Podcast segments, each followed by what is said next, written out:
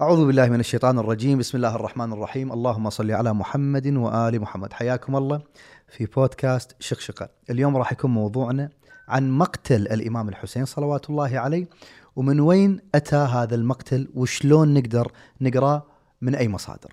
وراح يكون معاي الضيف العزيز سماحة الأستاذ أبو كرار علي العجمي من سلطنة عمان. حياك الله. وين سماحة الأستاذ؟ كت كت كت كت. ما تركب سماحة مع الأستاذ هذا في الحوزة يقولوا سماحة الأستاذ. قول يا علي. يا علي. قول يا علي يا علي يا ابن أبي طالب. تاج راسي أنت. وضيفي أنا تنازلت عن كلمة شيخنا لعيونك ترى. شلونك مرتاح إن شاء الله؟ الحمد لله رب العالمين. أولا شكرا لتواجدك بالكويت. الله يحفظك وقبولك الاستضافة إن شاء الله كان جو محرم هني جو عزائي روحي. الحمد لله رب العالمين. في إقبال جميل ما شاء الله يعني الأجواء جميلة جدا. وإن شاء الله ما تكون آخر مرة. ولا جعله الله آخر العهد منا. إن شاء الله. أبو كرار أنا بدخل في صلب الموضوع بدون ما نقدم أي مقدمة. السؤال قبل لا نقرأ مقتل الإمام الحسين صلوات الله عليه. شنو يعني مقتل الإمام الحسين؟ لما نقول هالجملة أنا كباحث مثلا أو قارئ أو شاب أبي أت- أتعلم أستفيد. شنو يعني مقتل الإمام الحسين؟ هذا الشيء اللي أبحث عنه شنو؟ بسم الله الرحمن الرحيم. إحنا لما نتكلم عن المقتل يمكن اللي يتبادر في الذهن إن المقتل هو بس آه، الحادثة نفسها اللي كانت في كربلاء في سنة 61 هجرية في يوم العاشر. لا إحنا لما نتكلم عن سيرة المقتل نتكلم عن حادثة بدأت بخروج الحسين عليه السلام من المدينة إلى مكة ومن آه، ومن مكة إلى كربلاء ثم ما جرى على الركب حتى وصولهم آه، إلى المدينة مرة يعني. قصدك مقدمة الخروج مرتبط بالمقتل نفسه بالضبط لما يتناول. عادة كتا- كتاب سيرة مقتل الحسين عليه السلام يبتدوا بموت معاوية ابن أبي. سفيان وتولي يزيد وأمره بأن تؤخذ البيعة له من وجوه آه، ال- ال- الصحابة أو أبناء الصحابة اللي كانوا موجودين في المدينة المنورة. زين أنا أطرح سؤال أبو كرار. الحين إحنا متعودين لما نسمع كلمة المقتل نسمعها بس من على المنبر. فوقف الحسين صلوات الله عليه غريبا وما حصل من ظلم وما حصل من اضطهاد على أبناء أو قتل بأصحابه واهل بيته. فالسؤال ليش أنا لازم أعرف قبل شنو حصل؟ يعني هل هذا ضروري؟ ضروري لأن أنت تتكلم عن مقدمات ليش الحسين عليه السلام خرج مم. ليش خرج من المدينة؟ وش الأسباب؟ هل كان الجو في المدينة المنورة يسمح له بالبقاء؟ ثم لما انتقل إلى مكة ليش ما بقى في مكة المكرمة؟ مم. في أسباب خلته وأجبرته أنه يخرج من آه، مكة المكرمة ويتجه إلى العراق فيما بعد الأحداث في العراق هو يفترض أنه رايح إلى الكوفة ليش انتهى ليش في طريقة كربلاء؟ إلى كربلاء؟ عجيب. فقصدك أنا ما أقدر أعيش الحادثة بما هي حادثة إذا ما فهمت مقدماتها وسبب بالضبط. لازم أنت تقرأ الصورة الكاملة لمعركة كربلاء. تقراها من بداياتها وإلى نهاياتها. خلينا نطرح السؤال الآخر. دام إن المقتل طلع أكبر بكثير مما إحنا فاهمينه ومتصورينه هل في مصادر قديمة عندنا شيعية كتبت المقتل؟ البعض شنو قال أبو كرار؟ أنا ليش أصلا أصريت عليك ان نسوي هذه الحلقة؟ كثير من المؤمنين كانوا يسألون إن هل في عندنا مقتل شيعي؟ يقول أغلب المقاتل اللي اسمعها كلها لازم تكون مو شيعية. قلت له ليش؟ يقول لأن الحسين وقف غريبا وحيدا ومن ثم نادى ألام الناصر. ما ما بقى عنده أحد. فمن الذي نقل الإمام زين العابدين كان علي روحي له الفداء. فمن الذي أوصل لنا المقتل؟ أكيد مو أهل البيت ولا حبيب بن مظاهر ولا زهير ولا برير ولا جون إلى آخر. فكيف وصل لنا المقتل بدون ما يكون من أكيد ما عندنا إحنا مصادر شيعية على هذا. لا بالعكس إحنا عندنا مقاتل مو مقتل. يعني إذا تفتح بعض الكتب التراجم مثل فهرست الشيخ الطوسي على سبيل المثال ورجال النجاشي على سبيل المثال بتلاقى ابحث بس عن كلمة عنوانية هي مقتل الحسين عليه السلام. بتلاقى كتب كثيرة حملت هذا العنوان. شيعية. كتب شيعية بحتة. طبعا شيعية وغير شيعية. لكن الفكرة إن في كتب شيعية. إحنا عندنا موروثنا للمقتل. في عندنا موروثنا. لكن حتى هذا الموروث ما كله وصل. عجيب. يعني خل أضرب لك مثال. أول مقتل يقال أنه كتب عن الحسين عليه السلام هو مقتل الأصبغ بن بن نباتة. زين الاصبغ بن نباته كان من أصحاب أمير المؤمنين عليه السلام. سلام يعني اللي يذكر روايات شهادة أمير المؤمنين عليه السلام في اللحظات الأخيرة كان الاصبغ بن نباته من المتواجدين وكان يصر على البقاء عند آه، يعني دخول على أمير المؤمنين عليه السلام. فمعاصر ومن أنصار أمير المؤمنين عليه السلام ومن شرطة الخميس يعني من الدائرة القريبة جدا من أمير المؤمنين عليه السلام. كتب المقتل بقي إلى ما بعد معركة كربلاء إنزين. وكتب أول مقتل. الأصبغ بن نباتة كتب هذا المقتل. هذا المقتل وصل إلى زمن الشيخ الطوسي. الشيخ الطوسي عف- عفوا عفوا مكرر. يعني الأصبغ ابن نباتة كتب مقتل الحسين. إيه. وموجود معروف موجود معروف في زمان مثلا آه، الإمام الحسين زمان زين العابدين زمان الباقر الصادق. هو إيه. بعد شهادة الحسين عليه السلام بقى فترة عص يعني إلى زمن الأئمة عليهم السلام. حلو. نتكلم عن الشيخ الطوسي. والغيبة الصغرى؟ والغيبة الصغرى معروف الكتاب. زين. إلى الغيبة الكبرى. وصل إلى زمن الغيبة الكبرى. لكن تقول لي وين هذا الكتاب؟ هذا من الكتب اللي فقدت. نعم. في رواية موجودة في تاريخ الطبري عن القاسم ابن الأصبغ بن نباتة.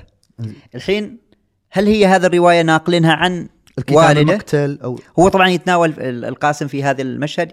يتناول واحد من المشاهد المؤلمة في اللحظات الأخيرة من من حياة سيد الشهداء عليه السلام. عليك لكن إلى هذيك الفترة كان موجود يعني ككتاب. وين راح الكتاب؟ من الكتب اللي فقدت. وليس الكتاب الوحيد الذي فقد ولم يعثر عليه. في كتب كثيرة يعني قلت لك أنا في تراجم عدد كبير من الأصحاب بتلاقاه إنه موجود. على سبيل المثال واحد من أصحاب الإمام الجواد عليه السلام عبد العزيز الجلودي. هذا كان إذا تجي في ترجمته تشوف واحد من الأشياء اللي كتبها كتاب مقتل الحسين عليه السلام معاصر الإمام الجواد عليه السلام. يعني عفوا بكره يعني أنت قصدك عنوان مقتل الحسين؟ مو واحد اثنين نقله وكتبه يعني الناس كانوا مهتمين انه يكتبون بالضبط. مقتل الحسين سلام الله بالضبط. عليه. يعني في زمان الأئمة. من زمن الأئمة عليهم السلام. هذا طبعا أنت تتكلم عن الدائرة القريبة من الأئمة عليهم السلام. أصحاب الأئمة واحد ثانيا تحت عين الإمام. بالضبط. يعني مثلا الإمام الصادق اطلع على بل, بعض بل في كثير من الأحيان بعض الرواة يستقوا المو... آه، مباشرة من الإمام. يعني بذكر بعدين بعض النماذج لأشخاص أخذوا الرواية الله عن الإمام عليه السلام. يعني الإمام بنفسه هو من يروي المقتل بالضبط. والمؤرخ يؤرخ ويكتب. بالضبط. في خصوصية شيعية للمقاتل. حتى اللي نقل مثلا الطبري على سبيل المثال ينقل عن كتاب مقتل أبي مخنف. أبو مخنف هذا في كثير من المنقولات ينقل عن الإمام الباقر عليه السلام. ينقل عن الإمام السجاد عليه السلام. عجيب, عجيب. ليش؟ لأن أئمة أهل البيت عليهم السلام كانوا حريصين على تبيان الظلامة. يعني على سبيل المثال لما تشوف اللي تشوف الإمام عليه السلام كلما أراد أن يشرب الماء الله أكبر. ذكر عطش الحسين عليه السلام. هاي ترى فيها صبغة إعلامية. صلى يريد يؤكد طبعا هو الإمام يعيش بكيانه مظلومية الحسين عليه السلام. لكن أيضا يريد يعلمنا إحنا أن قد أن الحسين عليه السلام قتل آه، غريبا عطشانا مظلوما. الله. أهل البيت عليهم السلام كانوا حريصين على نقل الظلامة ألا تنسى الظلامة. بعض الظلامات ربما نسيت لكن اهتمام أهل البيت عليهم السلام بظلامة آه الإمام الحسين عليه السلام هو اللي خلاها خالدة. وإلا خاص. كانت بتروح آه يعني طي النسيان. لكن أهل البيت عليهم السلام أرادوا أن تحفظ هذه المظلومية بشدة بحرارة. أن تبقى جيلا بعد جيل. زين سؤال بكره أنت قلت لي الحين الأصبغ بالنبات. أنا بحفظ وياك. وعندنا عبد العزيز منو؟ الجلودي. إنزين. هذا من أصحاب الإمام الجواد عليه بعد منو عندنا؟ آه شيخ الكليني. إنزين. الشيخ الكليني صاحب الكافي. هو صاحب الكافي. شيخه محمد بن يحيى العطار. إنزين. هذا عنده أيضا طبعا آه، محمد بن يحيى العطار من ثقات. عجيب إنزين. آه، ثقة حافظ. ولكن أيضا كتابة هذا لم يصلنا. طبعا لما نتكلم عن محمد بن يحيى العطار تقول آه، قريب جدا من في الغيبة الصغرى. زين شيخ أنت قاعد تقول لي ترى اسماء اولا بين الأصحاب أصحاب الأئمة مباشر بين الأع- أعلام الأعلام. أنت قاعد تقول أستاذ الشيخ الكليني. إيه. الشيخ الكليني أدرك آه، الغيبة الصغرى. وهذا كله مفقود. هذه للأسف من الكتب اللي فقدت. في أيضا شيخ الطائف الطوسي. الشيخ الطوسي هذا صاحب المؤلفات الكثيرة اللي وصلتنا. واحد من المؤلفات اللي ما وصلتنا مقتل الحسين عليه السلام. وانت يعني أنت متخيل ان لو واصلنا هذا الكتاب؟ وق- وقبل قبل لا نصور أنت قلت لي هم اسم جابر بن يزيد الجعفي كذلك جابر لكن آه، جابر مقتله فيه ميزة. شنو؟ هاي المقاتل اللي ذكرناها للأسف لم تصلنا. زين يعني اذا إذا شيخ الطائفة اللي نقلت كتبه وصار اهتمام بكتبه هذا الكتاب للأسف من الكتب اللي ما نقلت إلينا.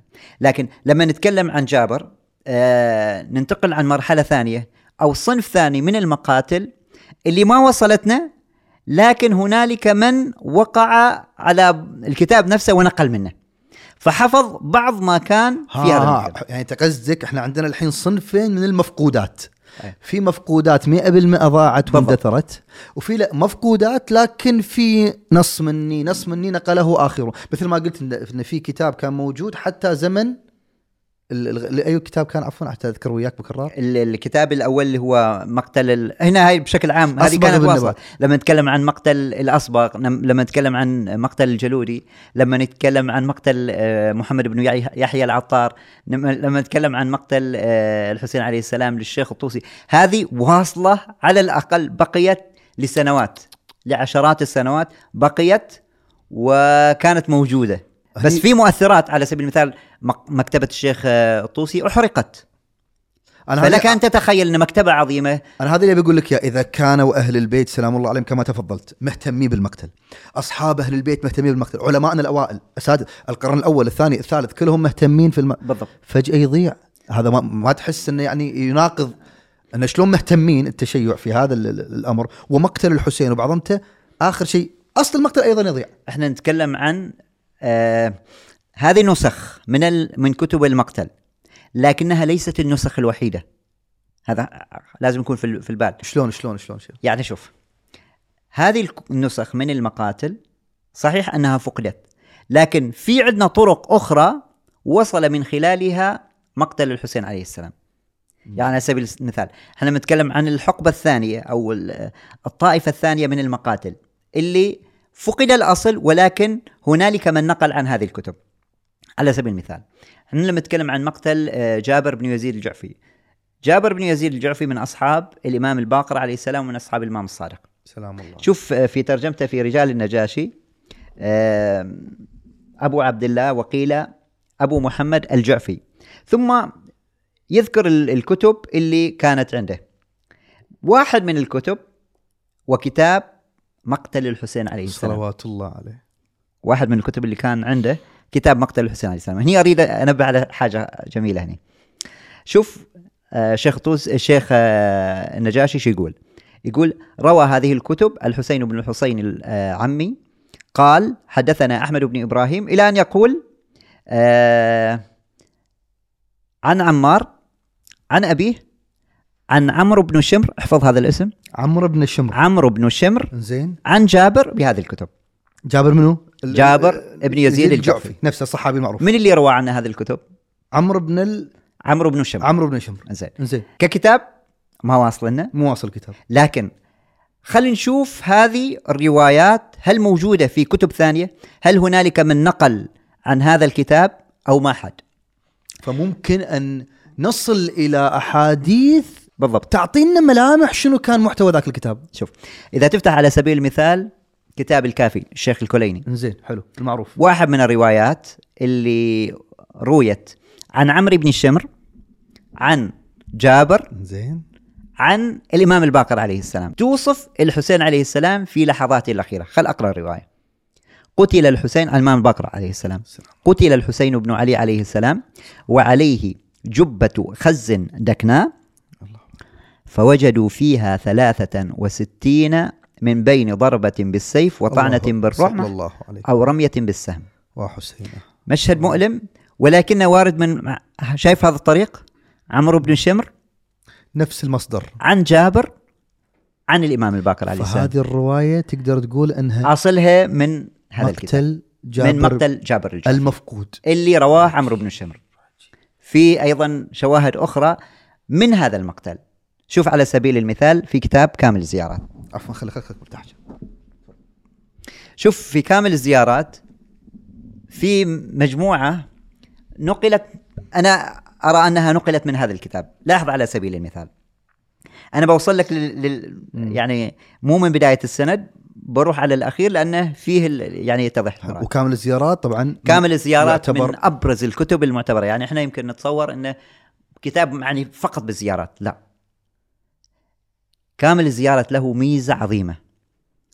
أه واحدة من أبرز الأشياء أنه اشتمل على كثير من أحداث مصيبة الإمام الحسين عليه السلام. يعني ذاكر أشياء من المقتل؟ ذاكر أشياء من المقتل. رحمة الله عليك يا ابن قول وجه القمي إي والله. هذه شواهد وإلا في أ- أخبار أخرى يعني. على سبيل المثال أنا قبل لا أقرأ هاي الرواية الروايات اللي تكلمت عن تفاعل السماء مع مصيبة الحسين عليه السلام. وين تلاقيها؟ في كامل الزيارات عجيب. الروايات اللي تكلمت عن نوح الجن الجن على الامام الحسين عليه السلام في كامل الزيارات الروايات اللي تكلمت عن تفاعل الملكوت. أقدم الكتب الشيعية وفي غاية. الاعتبار في غاية الاعتبار. أنت تخيل سيد الخوئي رحمة الله عليه في فترة معينة كان يرى صح يعني الأسانيد أو اعتبار الكتاب والروايات اللي, اللي كانت فيه. ثم عدل عن هذا لكن أنا أقول لك قيمة عظيمة. عجيب. قيمة الكتاب عظيمة. واحدة من الأشياء اللي نشوفها فيه هذه الرواية شوف رواية عن عمرو بن الشمر عن جابر الجعفي عن أبي جعفر الباقر أنا. فهمت اللي قاعد تقوله نفس المصدر اللي قاعد نتكلم عنه بالضبط فإذا شفنا إحنا عمرو بن شمر هو الذي إيه. ينقل عن يعني حتى الواحد إذا يبي يشوف وين راحت روايات آه، مقتل جابر. جابر دوروا على عمرو بن شمر كتبوا عمرو بن الشمر في محرك البحث عمرو بن الشمر عن جابر عن أبي جعفر اللي هو الإمام الباقر عليه السلام. سلام الله عليك يا. شوف هذه الرواية على سبيل المثال. هذه تذكر مشهد في زمن النبي صلى الله عليه وآله لكن له صلة شديدة بما جرى على الحسين عليه السلام. رواية عن أمير المؤمنين عليه السلام. قال زارنا رسول الله صلى الله عليه وآله وقد أهدت لنا أم أيمن لبنا وزبدا وتمرا فقدمنا منه. فأكل ثم قام إلى زاوية البيت فصلى فصلى ركعات النبي صلى الله عليه وآله. فلما كان في آخر سجوده بكى بكاء شديدا فلم يسأله أحد منا اجلالا واعظاما له. ما سالنا النبي صلى الله عليه وآله. زين من اللي بيروح يسأله؟ سيد الشهداء عليه السلام. الله أكبر. الله. فقام الحسين عليه السلام. فدوة يا وقعد في حجرة. فقال يا أبا لقد دخلت بيتنا فما سررنا بشيء كسرورنا بدخولك. ثم بكيت بكاء غمنا. فما أبكاك؟ الحسين يخاطب جده رسول الله صلى الله عليه وآله فقال يا بني أتاني جبرائيل عليه السلام. الله أكبر. آنفا فأخبرني أنكم قتلى وأن مصارعكم شتى. لا حول ولا ثم يقول الإمام الحسين عليه السلام يا أبا فما لمن يزور قبورنا على تشتتها؟ فقال يا بني أولئك طوائف من أمتي يزورونكم فيلتمسون بذلك البركة وحقيق علي. هنيئا لك أيها الزائر القبور المعصوم عليه الله أكبر الله. النبي صلى الله عليه وآله يقول وحقيق علي أن آتيهم يوم القيامة حتى أخلصهم من أهوال الساعة ومن ذنوبهم هذا وعد. ويسكنهم الله الجنة. هذا وعد من النبي. إن الله لا يخلف الميعاد. الله أكبر. إن الله لا يخلف الميعاد. الله أكبر. هذه رواية عمرو بن شمر عن جابر عن الإمام الباقر عليه السلام. رواية ثانية.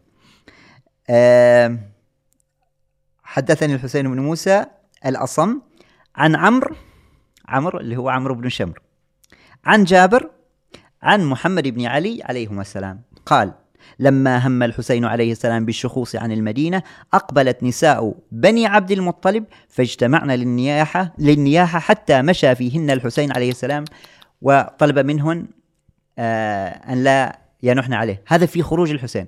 هذه لعل نحن في كتب ال- المقاتل كتب التاريخ التي أرخت ما نشوف هذه الرواية. ما نشوف إيه، توني بقول لك ما على أساس تعرف إن القيمة العظيمة للكتب اللي فقدناها.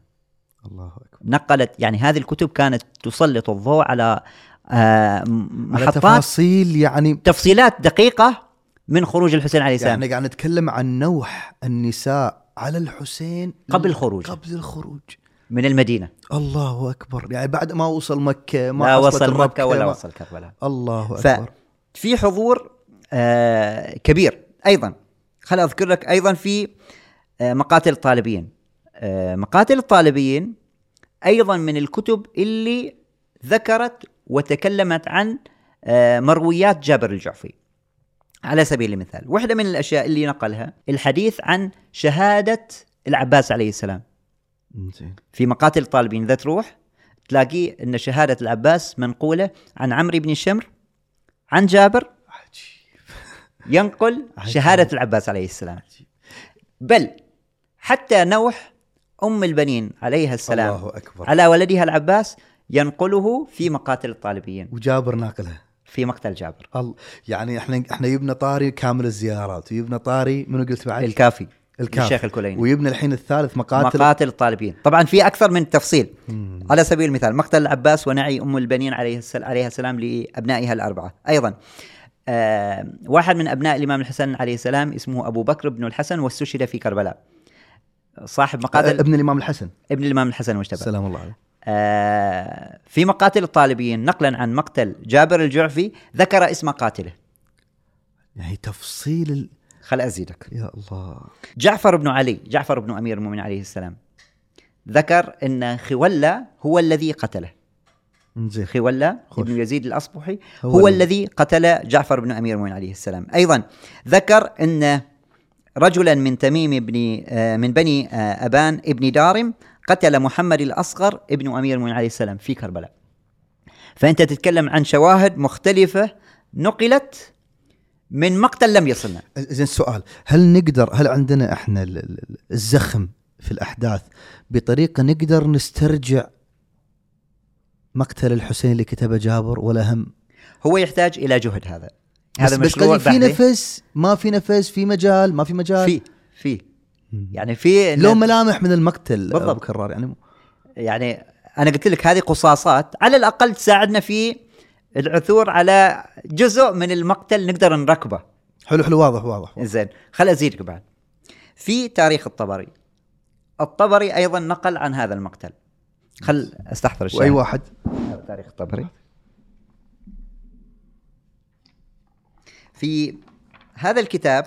والطبري طبعا لا يعتبر من أحد علماء الشيعة. الطبري لا. بكر. هو إمام من أئمة آه، أهل السنة وصاحب أشهر تفسير روائي عندهم اللي هو تفسير الطبري. وهو واحد من الأئمة يعني عند عند القوم يعني فله حضور قوي.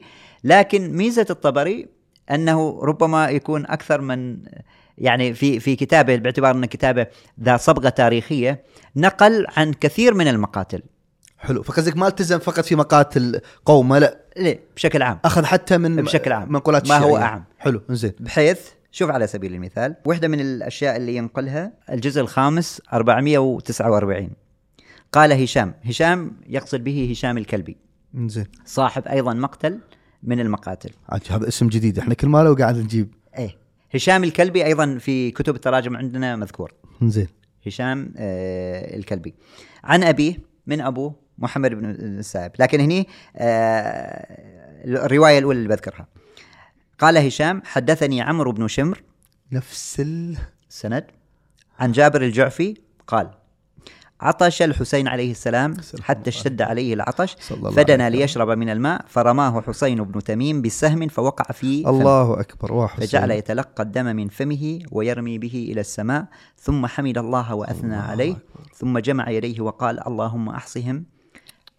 عددا واقتلهم ابو أبو عددا. كرار يمكن هالنص أنا ما أذكر انه انه يذكر يعني كثيرا. ترى هذه اللي بقى أقولها. يفترض من الخطباء ينتبهوا حل بعض النصوص. عجيب. إحنا ما يعني ويعتبر نص قديم يعني نص يعتبر قديم. لثق لو أن الحسين مو جرح أي جرح. وأخذ دمه أخذ دمه ورماه إلى ورمى به ودعا على القوم. دعا شوف الرواية تقول فجعل يتلقى الدم من فمه الله أكبر. ويرمي به إلى صلى السماء. الله عليك يا أبا عبد الله. ودعا على القوم. لا حول ولا قوة إلا بالله. آه، أنا قبل شوية تكلمت عن رواية الاصبغ آه، القاسم بن أصبغ بن نباتة. شوف هاي الرواية. قال هشام عن أبيه محمد بن السائب عن القاسم بن الأصبغ بن نباتة قال حدثني من شهد الحسين عليه السلام في عسكره أن حسينا حين غلب على عسكره ركب المسناه يريد الف- الفرات.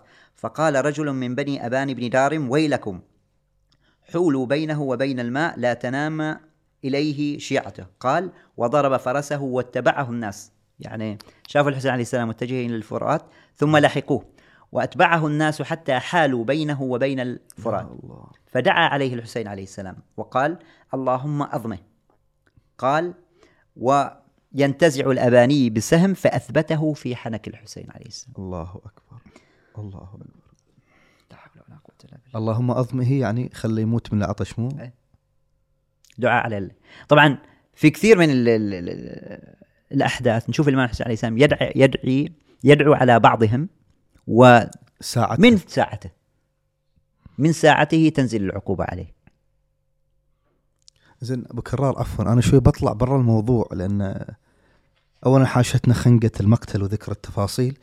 آه ثانيا تراثنا ليش راح؟ إحنا شوي خلينا نطلع خلينا نطلع. هالمقاتل وكل مرة قاعد تجيب لي اسم جديد و...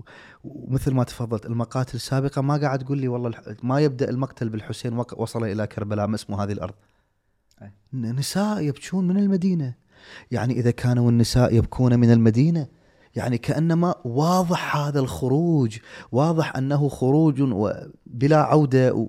أنت فاهم قصدي شلون؟ فيعطينا تصور أكبر لل زين إيش صار بتراث؟ أنت أنظر لها بهذه الشكلية الإمام الحسين عليه السلام خرج من المدينة في أواخر شهر رجب. زين. وصل كربلاء اثنين محرم. شهادته كانت في عشر محرم. لو لو كان هنالك مؤرخ يضبط هاي المرحلة الزمنية. مدة طويلة. مدة طويلة. مدة طويلة. فالطبيعي أن تكون الأحداث كثيرة. في عندنا مقتل لأبي مخلف وهذا لعل له شهرة كبيرة. موجود هذا الحين؟ هذا آه، الجميل حفظ جزء كبير من هذا المقتل. أنت الحين حبطني يعني أنا خايف لا لا. الحين الحين برفع معنويات. إحنا نتكلم عن مقتل أبي مخنف هذا ظاهرا كان كتاب كبير. نقل عنه مجموعة من العلماء لعل أكثر من نقل عنه آه، الطبري. زين. الطبري في تاريخه نقل عن أبي مخنف تقريبا 500 آه، رواية. مو مو مو رقم مو عادي. رقم عادي. مو رقم عادي.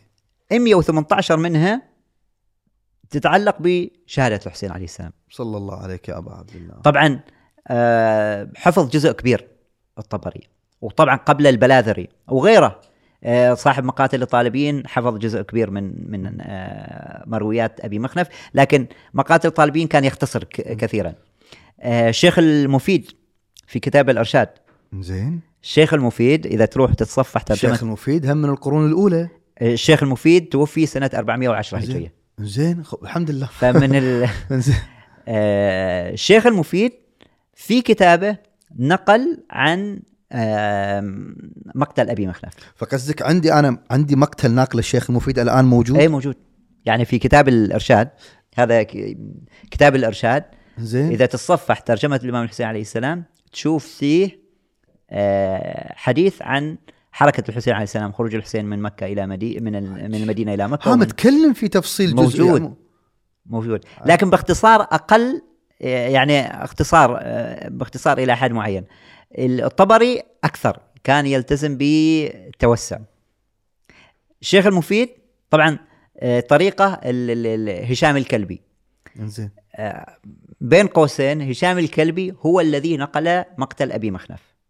حلو حلو. فلما نجيب اسمه نفس ما يجيب اسم قبل شوي عمرو بن شمر هو الذي نقل عن جابر. عن جابر. فهشام؟ هشام هو اللي نقل مقتل. حلو حلو. إضافة إلى هذا اللي الميزة التاريخ الطبري أو المقتل الموجود في ميز في تاريخ الطبري أن الطبري أخذ أكثر من طريق. نقل كتاب مقتل أبي مخنف عن طريق هشام الكلبي وهشام نفسه نقل من أكثر من مصدر غير عن فقصدك أك- مخنف أكو تتبع. نقدر شوية نوصل إلى صورة واضحة نسبيا عن ال... بالضبط. يعني في تاريخ الطبري في نقل وفي تتبع كبير جميل من أكثر من زاوية. يعني تارة ال ال هشام الكلبي ينقل عن أبيه محمد بن السائب. تارة ينقل عن أستاذه شيخه الحكم بن عوانة. زين حلو عن حلو. أكثر من شخصية. حلو حلو حلو حلو, ف حلو. إضافة إلى مقتل آه، أبي مخنف بكرار أنا أنا أبي أرسم الصورة الحين في ذهني وذهن من يتابع حتى نصل إلى نتيجة.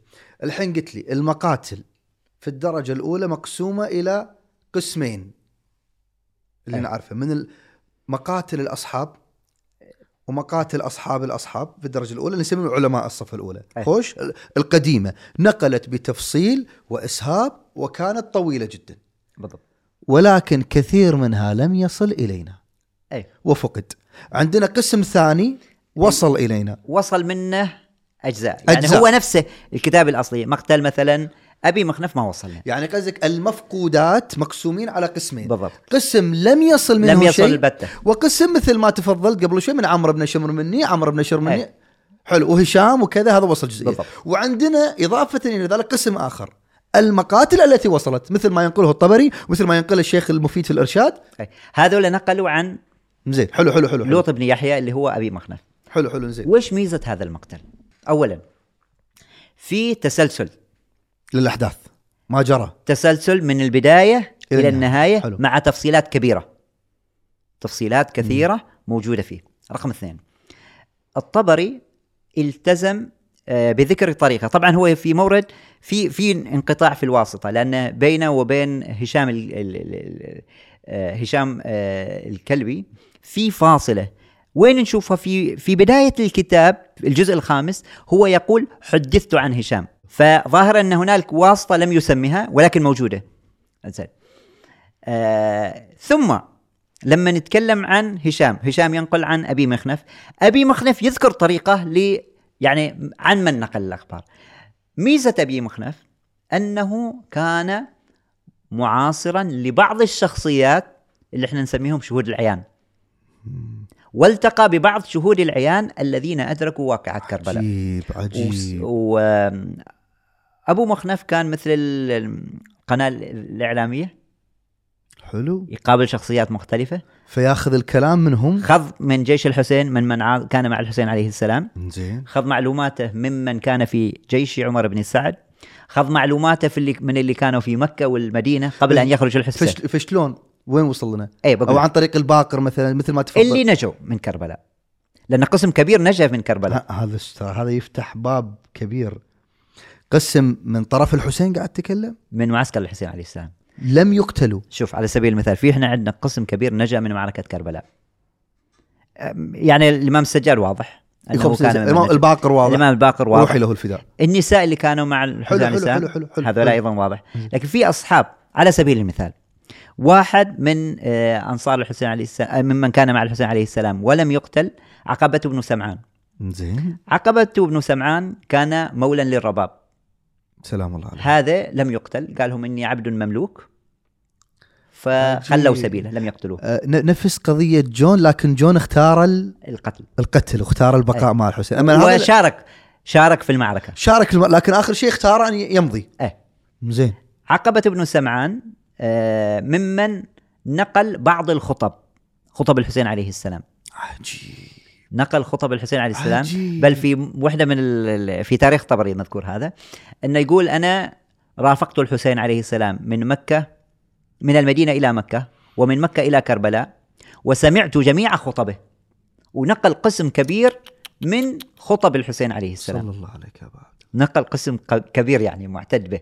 يعني إذا تروح الحين إلى تاريخ الطبري على سبيل المثال تشوف قسم كبير عن عقبة. مروية عن عقبة بن سمعان. زين هذا أيضا من الناجين. من الناجين الضحاك الفهري. الض- سولفنا عنه ذاك اليوم. الضحاك هو مم. ومالك بن النصر آه، أو النضر التقوا بالإمام الحسين عليه السلام قبل أن يدخل أو يذهب إلى الكوفة إلى بطريقه إلى الكوفة. ف يعني عندك آخر اللحظات يعني قبل قبيل الوصول. قبل لا يوصل كربلاء. إيه. ف شنو أخباركم؟ كيف الكوفة؟ فأخبروه أن الكوفة منقلبة عليك. يعني لا يصلح لك أن تذهب إليها. وأن الموازين في الكوفة انقلبت. قال الحسين عليه السلام فما يمنعكما من نصري مالك بن النصر أو مالك بن النضر الأرحبي مباشرة اعتذر. قال ما أنصرك. أنا ما أعت... أنا أعتذر لأن عندي زوجة وأولاد لا حول وعلي دين وأنا ما, ما يعني ما فتح مجال حتى للإمام لا حول ولا قوة إلا بالله. الضحاك لا فتح مجال. قال أنا بنصرك ما دمت قادرا على الدفع. أدافع عنك. اي لما أشوف إن وجودي وعدمه وجودي ما مؤثر زين فأنا أطلب منك أن تأذن لي في الانصراف. لا هذا شرط أري- أحط عليك. فقال فوافقه الإمام الحسين عليه السلام. فبقوا مع الحسين سلام الله عليه. فبقى إلى أن بقي من أصحاب الحسين عليه السلام اثنين. لما شاف اثنين باقين قال توجه الإمام الحسين عليه. السلام. إحنا متفقين. الله أكبر. وقال ساعد الله قلبك. له تقدر إنك تنجي بنفسك؟ قال له. كان يعني خبأ الفرس بين الخيام وأخذها وهرب. لحقوه بادية الأمر ثم تركوه. يعني صارت ملاحقة إليه لكنه الضحك ممن روى بعض الأحداث. يعني ظاهرا آه، أحداث ليلة آه، العاشر. العاشر كذا هو عن طريقه. عن كان طريقه. موجود كان موجود. كان موجود. بالمخيم موجود. موجود. نقل آه، أنا أتصور إنه هو اللي نقل لما الحسين عليه السلام طلب من من أنصاره قال إن هذا الليل قد غشيكم فاتخذوه اتخذوه جملا. جملا. ثم نقل ما قاله الأصحاب. زهير وإيش قال؟ حبيب وش قال. كل واحد من بني هاشم شنو قالوا؟ الله أكبر. فهو نقل هذا الأمر.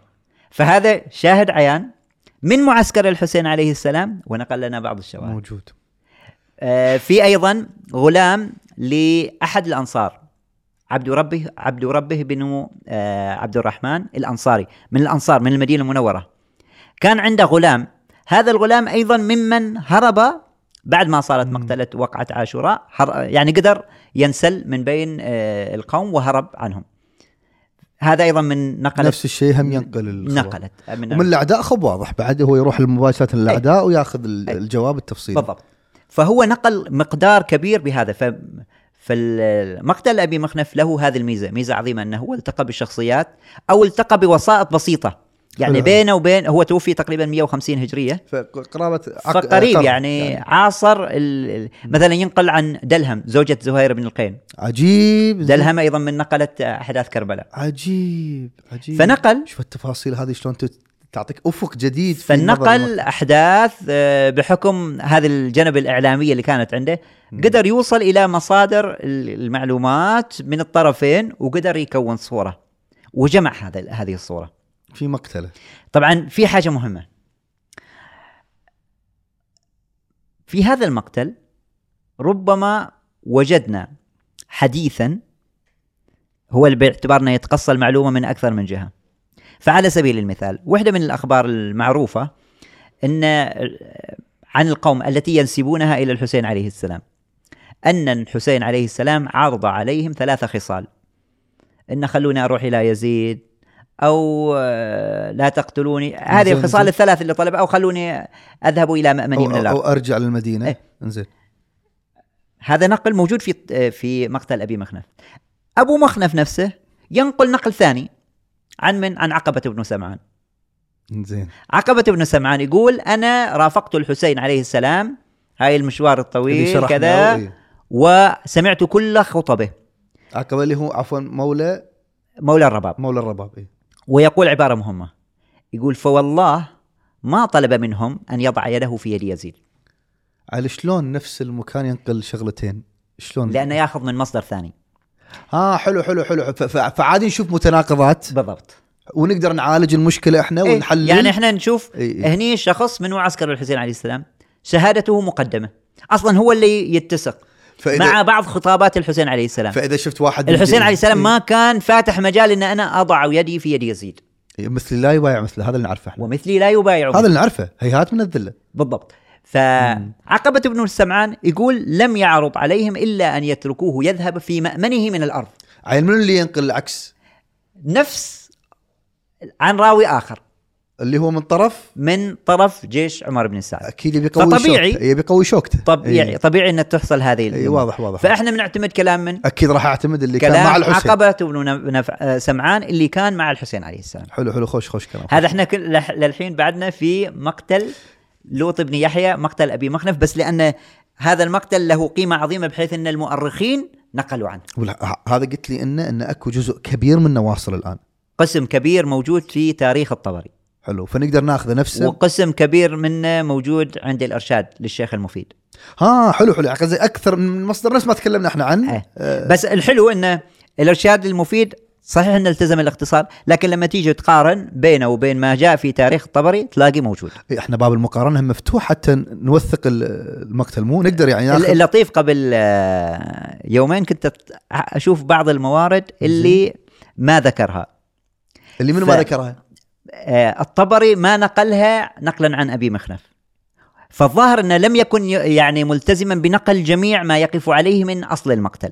نقدر نسأل ليش ولا؟ نقدر. أكو سبب يعني. قد تكون للأيديولوجيا المذهبية لها دور. واحدة من الحوادث اللي هو حديث رأس الحسين عليه السلام الله في. أزقة الكوفة. صلى الله عليك أبا عبد الله. الشيخ المفيد في الإرشاد نقلها. عن أبي مخنف. عن أبي مخنف. والطبري؟ الطبري لم ير... ليش؟ لم يذكر. ليش؟ يعني ربما هو لم يكن مستوعبا أن راسا كرأس آه، الحسين عليه السلام يتكلم. أنت قصدك كون الشيخ المفيد إمامي إمامي ف يعتقد بعصمة الإمام يرى أن ذلك سهل. أصلا أصلا ما تحتاج عصمة. تدري ليش؟ آه، إخواننا في المذا في من أهل السنة واحدة من الروايات الصحيحة عندهم أن رأس يحيى بن زكريا تكلم عجيب. يعني بعد ما قطع رأسه وقدم إلى الملك الملك تكلم عجيب. وسقطت قطرة دم منه. سلام الله عليه. هذه القطرة أخذت تغلي. كانوا يجيبوا تراب على أساس يس- يهدون. يدفنوا الأمر. فتخرج وت- وتغلي. فيقول استمرت بالغليان ولم تتوقف. الله. إيش كثر ما يحطوا تراب؟ الله أكبر. لم تتوقف. الله أكبر. لكن متى توقفت؟ لما قتل من بني إسرائيل قتل آه، سبعين ألف بدم يحيى بن زكريا. يقول لك ساعتها هدت هدت. ال- تقدم هذا مو مصدرنا. مو من مصادرنا. شيخ ما يحتاج. فيفترض أنه يتقبل ولكن على كل حال إحنا ما نعرف يعني هو يأثر يأثر. الايديولوجيا لها تأثير. الخلفية المذهبية قد يكون لها تأثير. ممكن بعد تشوف الشيخ المفيد أخبار لا يراها متسقة. نفس ما مع مقام الإمام لا ينقلها. مثل ما ذكرنا أن الإمام يطلب أنه والله أنا مع أي. يزيد إلى ما. ما راح ينقل لك أنه هو را- رايح أنا أحط إيدي. خش خش واضح واضح. ممكن تشوف بعض أخبار في مثلا عند الطبري. لا تتليق بمقام بنات الرسالة. الشيخ المفيد لا ينقلها. عجيب. لأنه هو يعرف.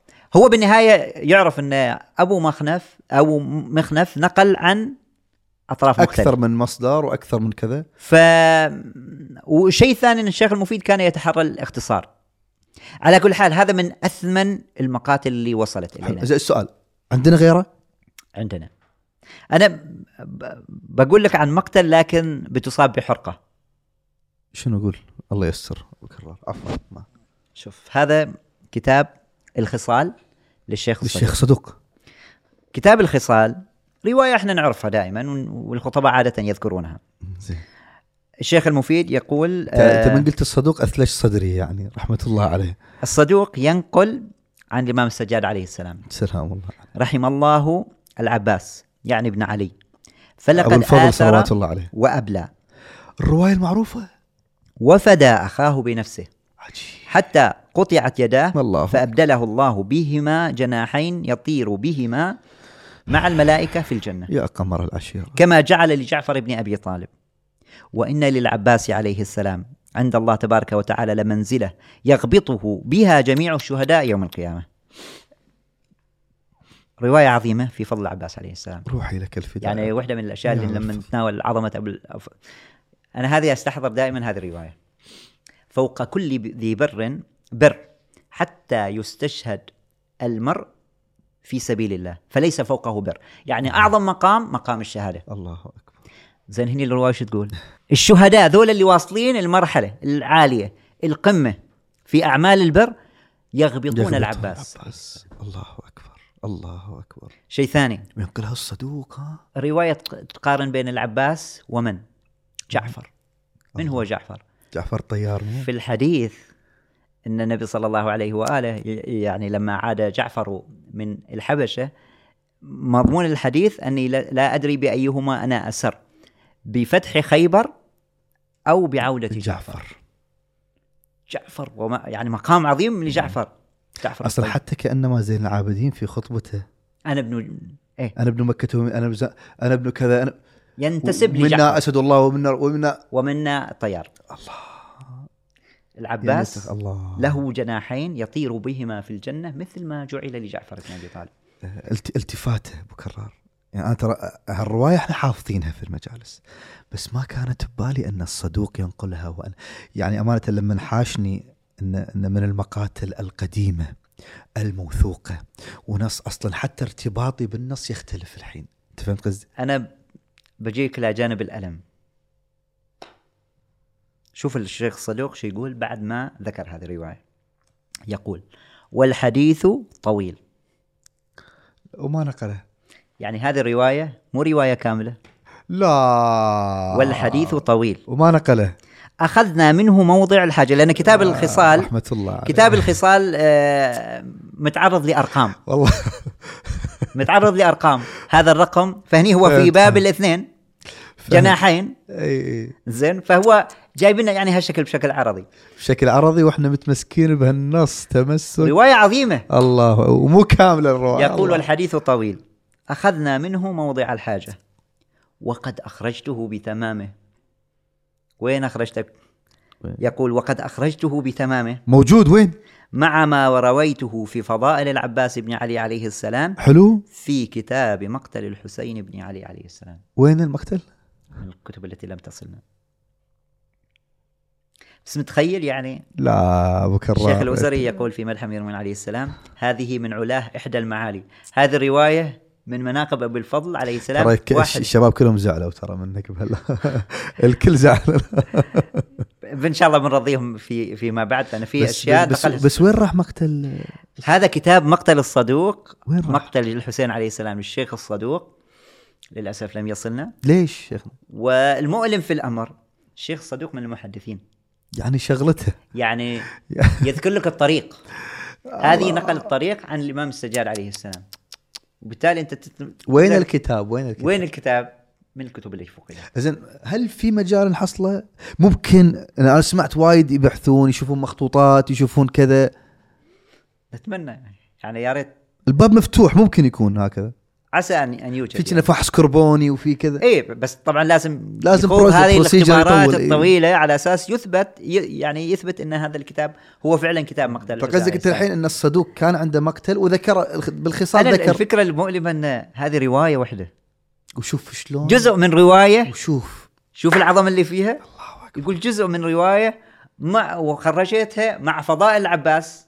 مجموعة من روايات في فضائل العباس خرجتها في هذا الكتاب. هذا الكتاب للأسف الشديد لم يصل إلينا. فلك أن تتح يعني تشوف كمية الألم؟ شوف كمية الأسى ان فقدنا هذا الكتاب؟ ولكن. ولكن. ولكن. فيه مصنفات القسم الثالث اللي يمكن أن نصطلح عليه روايات في المقتل وصلتنا كاملة. عن من؟ منقوله عن البيت الهاشمي. زين يعني أئمة أهل البيت. أئمة أهل البيت عليهم السلام. سلام الله عليه على سبيل المثال في تاريخ الطبري. زين رواية تعرف برواية مقتل عمار الدهني. عمار الدهني أبو واحد من أصحاب الأئمة عليهم السلام اللي هو معاوية بن عمار. زين عمار الدهني ينقل هذه الرواية عن الامام الباقر عليه السلام. سلام الله عليه. هذه الرواية موجودة في تاريخ الطبري. في طبعا هو حاطنها بشكل ثلاث مواضع من تاريخ الطبري. وفيها تفصيلات مرتبطة بخروج الحسين عليه السلام. صلى الله عليه رواية طويلة يعني مو رواية صغيرة. هذه أيضا من الأمور اللي الإنسان أنا أقول يفترض عن- الإنسان عن- يثقف نفسه ويقراها عن الإمام الباقر سلام الإمام الباقر عن. الواقعه وماذا حصل في عاشوراء. يعني شوف هو شو يقول؟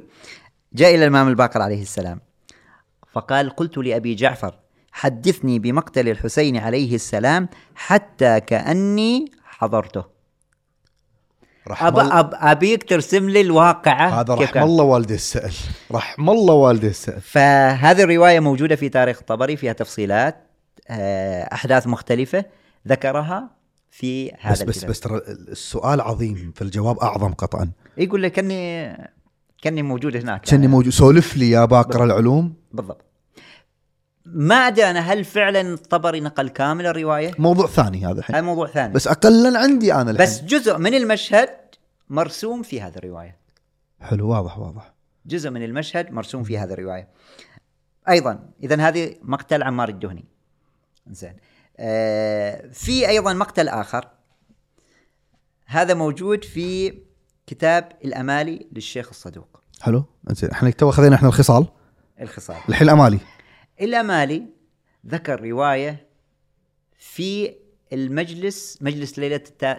آه، يوم التاسع من محرم ومجلس يوم العاشر من محرم. في يوم التاسع من محرم طبعا كتاب الأمالي فكرته إن الإمام يجل المحدث يكون جالسا الشيخ الصدوق ويحدد ويملي- الطلبة. إيه، الطلبه والطلبه يكتبون. أي. زين. زين. كانما جلسه إملاء. زين. زين.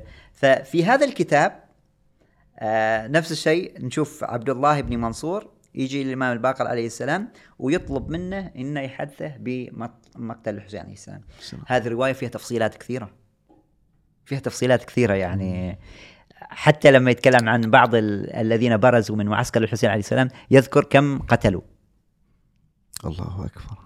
هاي رواية عظيمة و يعني أتمنى الخطباء بل مو الخطباء حتى يعني الشباب. الشباب الكل. يثقفوا أنفسهم بهذه الرواية. طالع يا أخي موجودة في كتاب الامالي حلو قاعد تعطينا المصادر الحين بس سهل. في كتاب ما الامالي. للشيخ المفيد للشيخ للشيخ صدوق. صدوق عفوا. موجودة. كل اللي عليك إنك تتصفحها شوف التفصيلات اللي أعطاها آه الإمام الباقر عليه السلام الله. لعبد الله بن منصور. الله أكبر. وكون الإمام باكر من شهود الحادثة من يعني. شهود ال- الحادثة. وعطى تفصيلات يعني دقيقة عن عن عن المعركة. أعطى تفصيلات دقيقة عن واقعة كربلاء. حلو. خوش مصدر. ف أنا أقول يا ريت هذه إن يكون أكو اهتمام فيها. يكون فيها اهتمام. ذكر أرقام وذكر يعني تفصيل. أرقام تفصيلات أصلا من البداية يذكر. كيف م- كيف مات يزيد مات معاوية كيف صار؟ خرج الحسين التج... تفصيلات دقيقة. فرواية عظيمة. ك- تساعدنا إحنا لما نتكلم عن كتب المقتل نتكلم عن أشياء تساعدنا في تكوين صورة عامة واضحة شنو عن حصل. أحداث خروج الحسين عليه السلام من المدينة إلى مكة ومن آه، مكة إلى كربلاء ثم ما جرى على الركب الحسيني حتى عادوا إلى المدينة المنورة. هاي الأشياء تساعدك أنت كباحث تساعدك كمؤرخ إن تفهم كيف الأمور صارت بهذه الوتيرة كيف أهل العراق كانوا على آه، مسلك يدعون أنهم سينصرون الحسين عليه السلام ثم عدوا عليه ينقلبون. هذه الصورة ما تتكون ما تقدر تنجح إلا إذا كان عندك تتبع واسع لكتب المقاتل. شنو عندنا بعد؟ عندنا أيضا رواية طويلة فيها تسمية من قتل مع الحسين عليه السلام للفضيل ابن الزبير. هذا روى عن الإمام الباقر عليه السلام وكان من دعاة زيد الشهيد كان زيديا. لكن محل الشاهد إيه ما كان 12 ما كان 12 ما في- ولكن في جو الشيعة كان شيعي بس من الشيعة زيدية. لكن من وين استقى المعلومات استقاها من زيد الشهيد ابن الإمام السجاد عليه السلام. معروف. من يحيى بن أم الطويل. هذا يحيى إذا تروح إلى كتب التراجم مثل رجال الكشي على سبيل المثال تشوف في هذا الكتاب يقول يذكر من الأسماء التي كانت تؤمن بإمامة الإمام السجاد عليه السلام في حقبة زمنية الناس انصرفت عن أهل البيت عليهم السلام. حلو. يحيى بن أم سلام. الطويل. زين. زين. هذه الشخصية الثانية. والشخصية الثالثة عبد الله ابن شريك العامري. هذا من أصحاب الإمام الصادق عليه السلام. سلام الله عليه. فمن وين هو أخذ هذه المعلومات؟ من ذولا. من ذول الثلاثة. حلو. طبعا مروية في كتاب الأمالي الخميسية. وين الكتاب؟ الأمالي آه الأمالي الخميسية للشدري هذا كتاب زيدي موجود ها حلو. إلى أيامنا. حلو. أنا أنا, كله ببالي إنه بس إحنا لا خ... في كثير نقلوه كثير نقدر نس... وبعضها رواياتنا ممكن تكون. إيه. عن طريق ائمتنا مو. طبعا آه هذا الكتاب حققه السيد محمد رضا الجلالي. زين فصلوه يعني. هي رواية رواية من الكتاب لكن استخرجها السيد آه، وحللها. الجلالي وعلق عليها تح يعني حققها بشكل ممتاز يعني. حلو. وأفردت يعني وطبعت لوحدها. يعني اه- اه- اهتمام علمائنا بهالسالفة. فهذه رواية تقدر تلاقيها الحين موجودة. هذه من الروايات الطويلة اللي, اللي, فيها. أحداث وفيها تفاصيل. سمت اللي قتلوا مع الحسين عليه. السلام بأسمائهم بعض الأحيان يذكر لك هذا قتله فلان. حلو حلو حلو حلو حلو. قلت لك إحنا م- نريد نكون صورة عامة. يعني أنت قصدك رو... الرواية الأولى كانت ذاكرة مثل ارقام كل واحد قتل كم هني مع أسماء. أقدر أنا أجمع لي صورة عميقة جدا؟ أج... شايف أنت كأنما تكلم عن ثلاثة شاهدوا نفس الحادثة. واضح واضح واضح. كل كل واحد, واحد ينقل... ينقل شيء. واحد ينقل أرقام واحد ينقل مكان واحد ينقل تفاصيل واحد ينقل كل واحد مركز على واحد. ينقل خطب. آه، عقبة؟ عقبة ابن سبعة. أبي احفظهم عقبة بل- ع- مولى الرباب سلام مولى الله الرباب. نقل الخطب. نقل خطب حلو حلو حلو حلو. زين. فهذه الأشياء كلها تجمعها مع بعض تكون لك صورة عامة عن المعركة. حلو. هذا الصنف ال- ال- الثالث اللي إحنا نقول كتا آه، روايات موجودة روايات طويلة فيها إسهاب فيها تفصيل. زين. جميل. حلو. زين نروح للقسم الرابع. القسم الرابع هو روايات متفرقة في كتب الحديث في كتب التفسير في كتب الرجال. يعني أنا لما تقول لي كتب تفسير ما أفكر إن تفسير القرآن في مثل مقتل الحسين فيه. عجيب. روح تفسير القمي. تفسير القمي على سبيل المثال يذكر رواية عن مشهد الحسين عليه السلام في ليلة العاشر وكان يقرأ آية قرآنية عن الإملاء الإلهي. عجيب. يعني است... هو ها الحمد لله. يعني حتى أحيانا كتب التفسير يعني. إيه. هو هو أتى بالرواية إن كونها فيها آية. فيها آية. الإمام الحسين عليه السلام كان يقرأ هذه الآية في يوم العاشر. عجيب. فصارت مشادة بين الإمام الحسين عليه السلام من جهة ومن جهة ثانية آه، إما عزرة بن قيس الأحمسي أو الشمر. زين. لأن اللي كان موكل بحراسة المعسكر. حراسة مو معنى أنه يشوف عن حد منهم يعني خلينا نقول يتأذى أو شيء لا. حراسة بمعنى تطويقهم انه يراقب بحيث أن ما حد منهم يخرج. إي خوش خوش. الذي وكلت له هذه المهمة عزرة بن قيس الأحمسي. أو الشمر. أو الشمر. زين. في الرواية إن واحد من اللي موجودين لما سمع الإمام الحسين عليه السلام وفي في ذيل الآية ليميز الخبيث من الطيب هذا يقول حال الإمام الحسين عليه السلام يقول له نحن الطيبون. إحنا الطيبون والعياذ بالله. استغفر الله. فبرير ابن خضير. فزع. فزع للإمام الحسين عليه السلام. الله. انت تقول لل- للإمام انت طيب؟ شنو هالجرأة إحنا نعرفكم.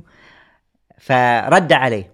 بحيث إن الإمام الحسين عليه السلام في نهاية الأمر طلب من برير أن يكف قال بعد هذول لقد وع- وعظت ف يعني أبلغت يعني في, في الأمر.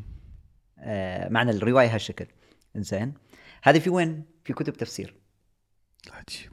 ما هالنص مو سامع أنا بمكان ثاني أصلا؟ لا بالمكان. وما بتحصله يعني أنا ش... فعجيب إن ن- إن كتب التفسير نقلت حدثا مهما جدا في لم ليلة العاشر. إحنا شوف ليلة العاشر عادة نركز على إن الحديث مع الأنصار. زين شوف هذا بس النص إن مشادة وقعت بين معسكر الحسين عليه السلام ومعسكر الأعداء يمكن ما تذكر بس في كتب التفسير مذكور. عجيب عجيب. مشهد آخر أيضا. من التفصيلات أنا أقول لك هذه قيمتها إنها تعطي تفصيلات تسلط الضوء على بعض المشاهد من واقعة كربلاء.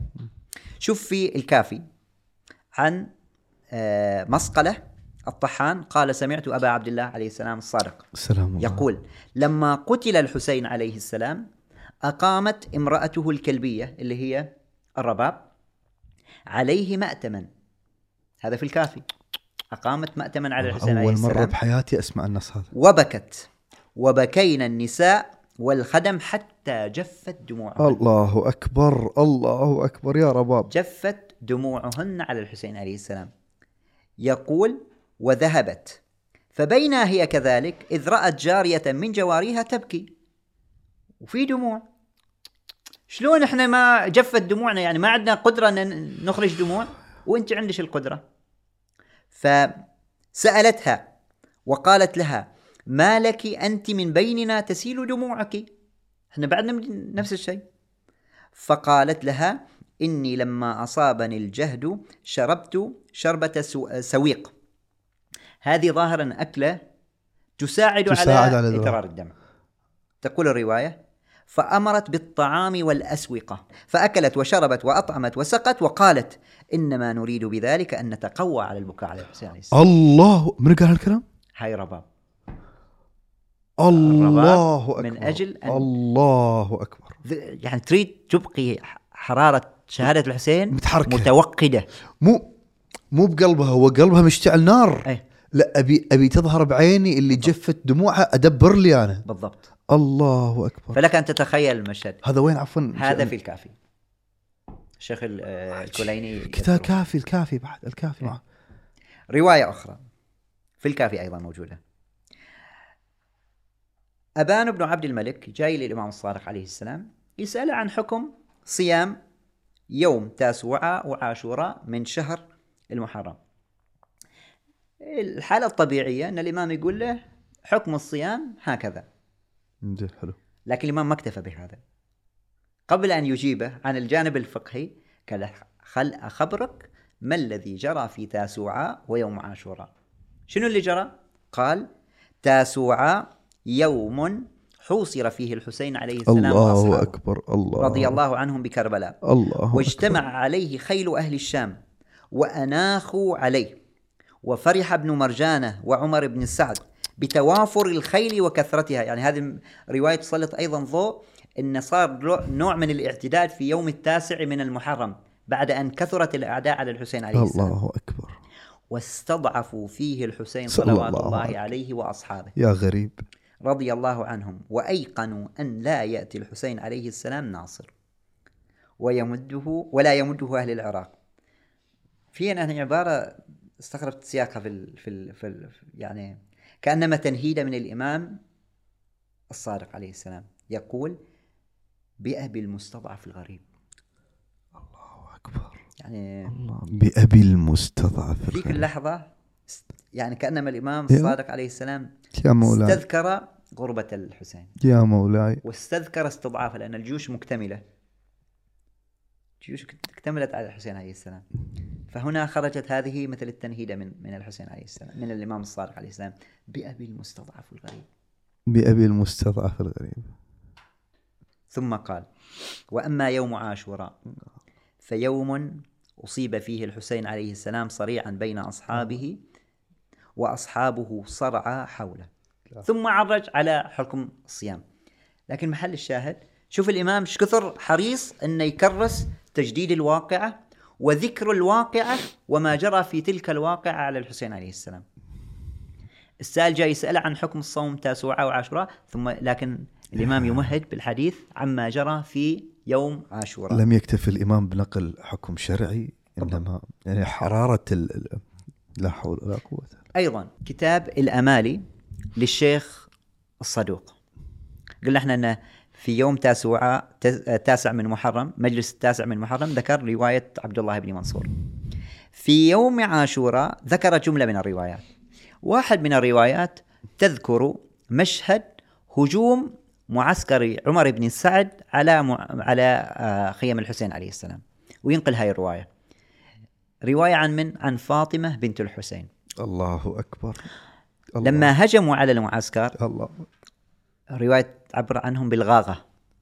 شلون؟ الغاغة لما هجم الغاغة. يعني ناس غاغة شنو يعني؟ آه، نوع من الهمجية اللي كانت عندهم. لا حول ولا قوة. يعني أنت متخيل؟ لا حول ولا قوة. طفلة أنا دائما يعني أستحضر هذا المشهد. أقول أنت أحيانا شايل وياك أهلك في السيارة يوم تنزلهم مكان كذا حريص أن ما حد يتعرض لهم بأذى. ولكن في ليلة عاشوراء هاي كله. يحصل بمرأة من الإمام السجاد عليه السلام. الله ولكنه بلا حيلة. الله أكبر. فهجوم على معسكر الحسين سلب النساء بل أكثر من كذي. يعني شوف شوف الضلال الذي وصل إليه هؤلاء الأعداء. الروايه تقول أن جاي يسلب حلي لا فاطمة حول ولا قوة إلا بالله. فيبكي تقول له فاطمة بنت الحسين مما بكاؤك؟ يقول لاني أسلب ابنة رسول الله. أنا أستغرب يعني فاطمة بنت الحسين تقول له إذا كنت تعلم أنك تسلب ابنة رسول الله فلما تفعل؟ دعه واترك قال يأتي غيري ويسرق. يا الله. يعني شوف الحقارة. يا الله. يعرف أنه يسلب ابنة رسول الله ومع هذا يقدم على الأمر. يا الله. حقارة ما بعدها حقارة. فهذه روايه تعطينا لمحة من مشهد ليلة الحادي عشر. هذا كله بال- بال- بالكافي قلنا. هذا بكتاب الأمالي للشيخ الأمالي الصدوق. أمالي. الأمالي للشيخ الصدوق. مشهد آخر من مشاهد. بس ما تلاحظ يعني مشاهد متفرقة موضوعة مع بعضها البعض. آه، متفرقة في كتب الحديث لكن إحنا نقدر نجمعها نقدر نجمعها. بحيث انها ترتسم عندنا صورة. الصورة واضحة. أيضا. شوف آه، هاي رواية تحرق القلب. هذا المفيد الحين نطلع عفوا. الإرشاد للشيخ المفيد. إيه. أنا ما أعرف كيف أقدر أقرأ هاي الرواية. يا علي. هذه الرواية تصف اللحظات الأخيرة من مصرع الحسين عليه السلام. الله. كتب المقاتل عادة ما ترد هذا ما تورد هذه الرواية. بس نقلها المفيد في الإرشاد. الشيخ المفيد نقلها. يقول يصف اللحظات ال- الأخيرة من حياة الحسين عليه السلام. الحسين عليه السلام تقول الرواية آه، عن حميد بن مسلم فوالله ما رأيت مكثورا. قط قد قتل ولده وأهل بيته وأصحابه أربط جأشا والنعم ولا أمضى جنانا منه عليه السلام. سلام الله إن عليك كانت الرجالة لتشد عليه فيشد عليها بسيفه فتنكشف عن هذا يمينه هذا بشماله. بعد مقتل أصحاب بعد, بعد مقطع يعني ظاهرا اللحظات الأخيرة. يعني بعد يعني المقطع اللي قبله يقول وقد أثخن بالجراح في رأسه وبدنه. الله أكبر صلى الله عليه وسلم.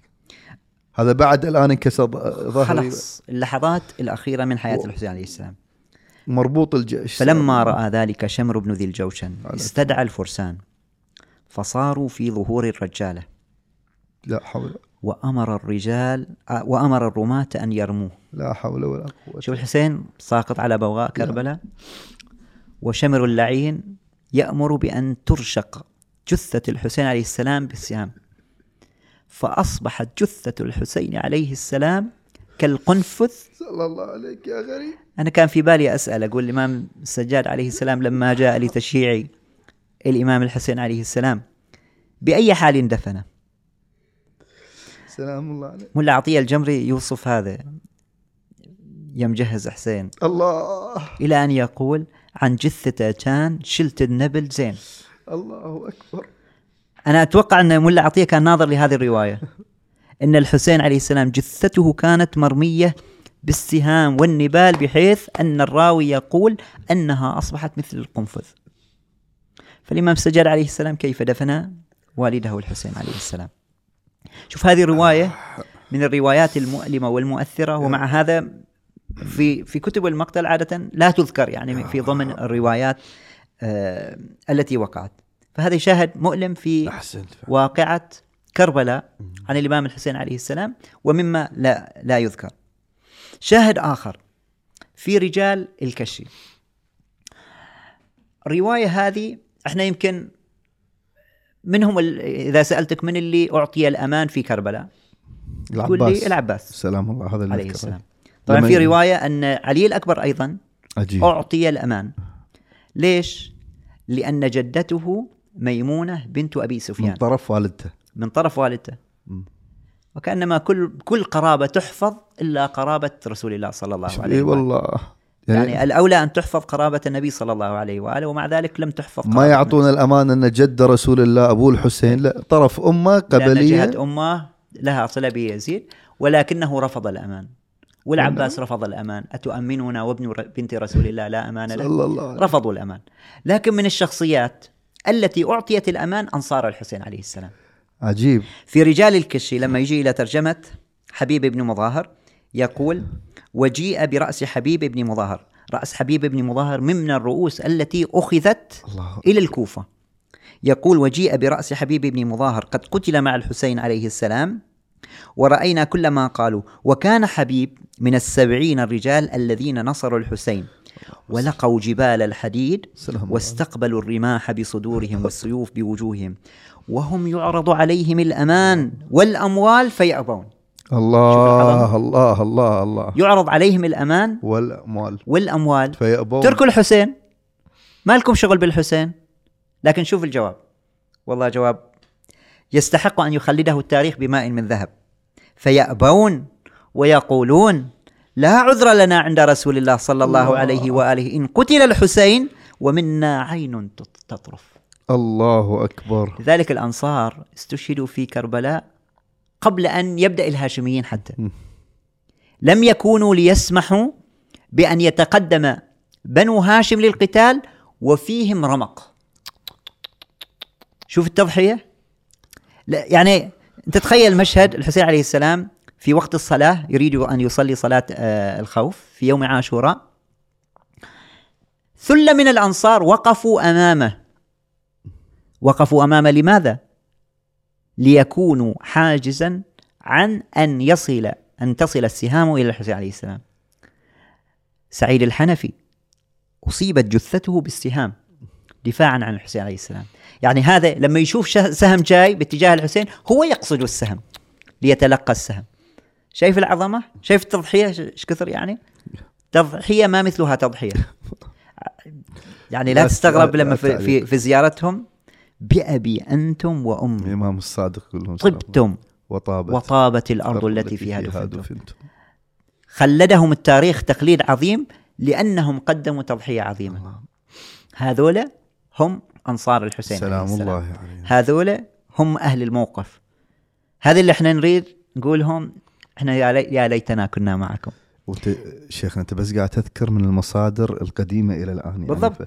أنا الحين ما رب- يعني هاي اكلمك عن الأمالي للمفيد. المفيد توفي 410 هجرية. شيخ الطوسي شيخ النجاشي.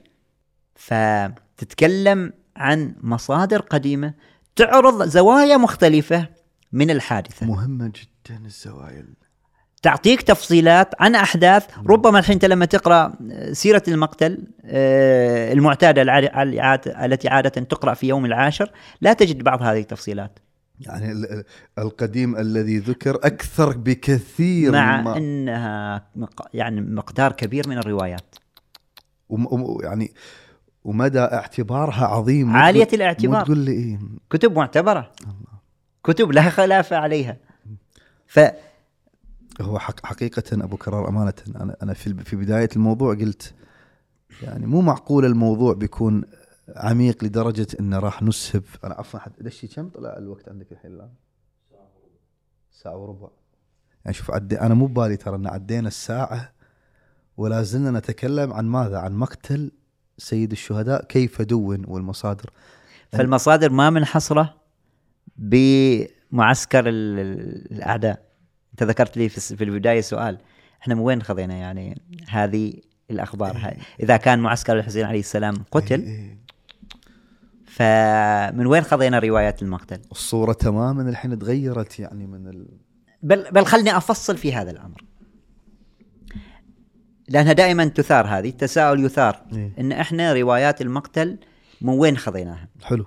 الصورة السابقة على الأقل على الأقل نجحت في تكوين صورة عامة. حلو لكن الحين- خل أفصل في بعض الأمور. لما نيجي إلى روايات المقتل هي على قسمين. مم. قسم نقل من معسكر الأعداء وقسم نقل من معسكر الحسين عليه السلام. والقسم الذي نقل ممن كان في معسكر الحسين عليه السلام ليس بالهين روايات كثيرة. نقلت عن الإمام السجاد نقلت عن الإمام الباقر عليه السلام عن بنات الرسالة مم. فاطمة بنت أمير المؤمنين فاطمة بنت الحسين عليه السلام. روايات متكثرة بل بعض من كان في معسكر الحسين مثل ما قلنا عقبة بن سمعان. كان حلو. له نقل الضحاك بن عبد الله المشرقي أيضا له نقل. دلهم زوجة زهير بن القين نقل. حلو. هذه من معسكر الحسين عليه كله السلام. معسكر الحسين. زين. فاطمة بنت أمير المؤمنين غلام لعبد ربه عبد الرحمن بن عبد ربه الأنصاري. آم، هذا من ال- اللطيف إنه هو اللي ذكر الممازحة اللي صارت بين بورير وبين حبيب بن طاهر. فيقول له مو ساعة هزل هذه. اي قال له ليش ما ليش ما نت يعني آه، نهزل ونتفاكه في هذه الليلة وليس بيننا وبين القوم إلا أن يعدوا علينا بسي- بسيوفهم أموت. ونعانق الحور العين. ناطر أموت الخاطر الحسين يعني م- يقول له هذه تعتبر من المصادر القديمة. من المصادر أبو المت- كرار فهذه اولا القسم الأول. الأمر الآخر. في درجة ثانية. اذا المعاصرين للواقعة من معسكر الحسين عليه السلام. في روايات نقلت أيضا عن أشخاص قريبين من البيت الهاشمي لكنهم لم يحضروا الواقعة. منهم على سبيل المثال آه، زيد الشهيد أبو خالد الكابولي. أبو خالد الكابولي أيضا من الثلة اللي كانت حول الإمام السجاد عليه السلام. سلام الله. أبو حمزة الثمالي. تعاب أبو حمزة عجيب الثمالي؟ عجيب. نقل. أبو حمزة الثمالي أدرك الإمام السجاد. وأدرك الإمام الباقر والإمام الصادق وأدرك الإمام الكاظم عليه السلام. أربعة ما عاصر كان معمرا. إنزين. فنقل حمزة المقتل. من من نقل أحداث وين- وين-. وين الروايات؟ في تاريخ الطبري. موجود. إيه. شيخنا أنت وايد تقول آه، تاريخ الطبري تاريخ الطبري تاريخ الطبري.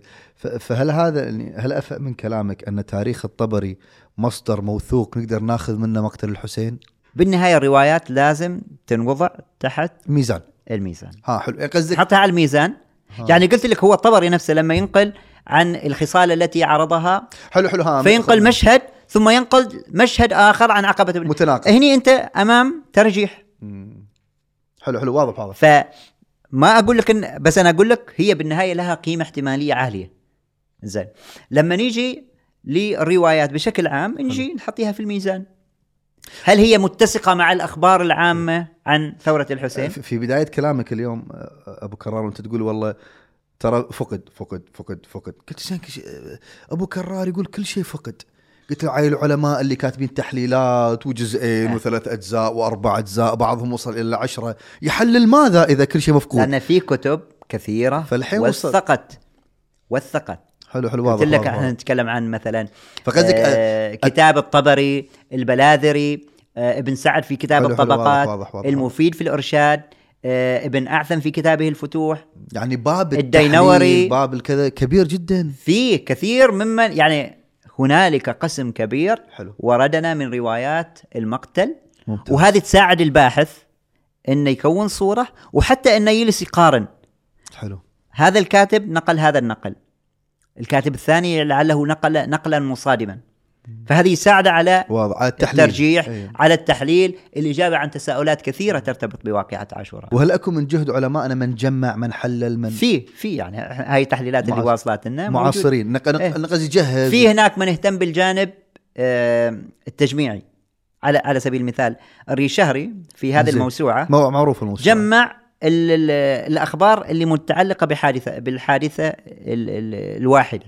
مثلا مثل وداع مثلا نقول؟ مثلا الوداع وش اللي صار؟ ها حلو فيجيب من هالرواية لقاء الحر حلو الرياحي. حلو حلو.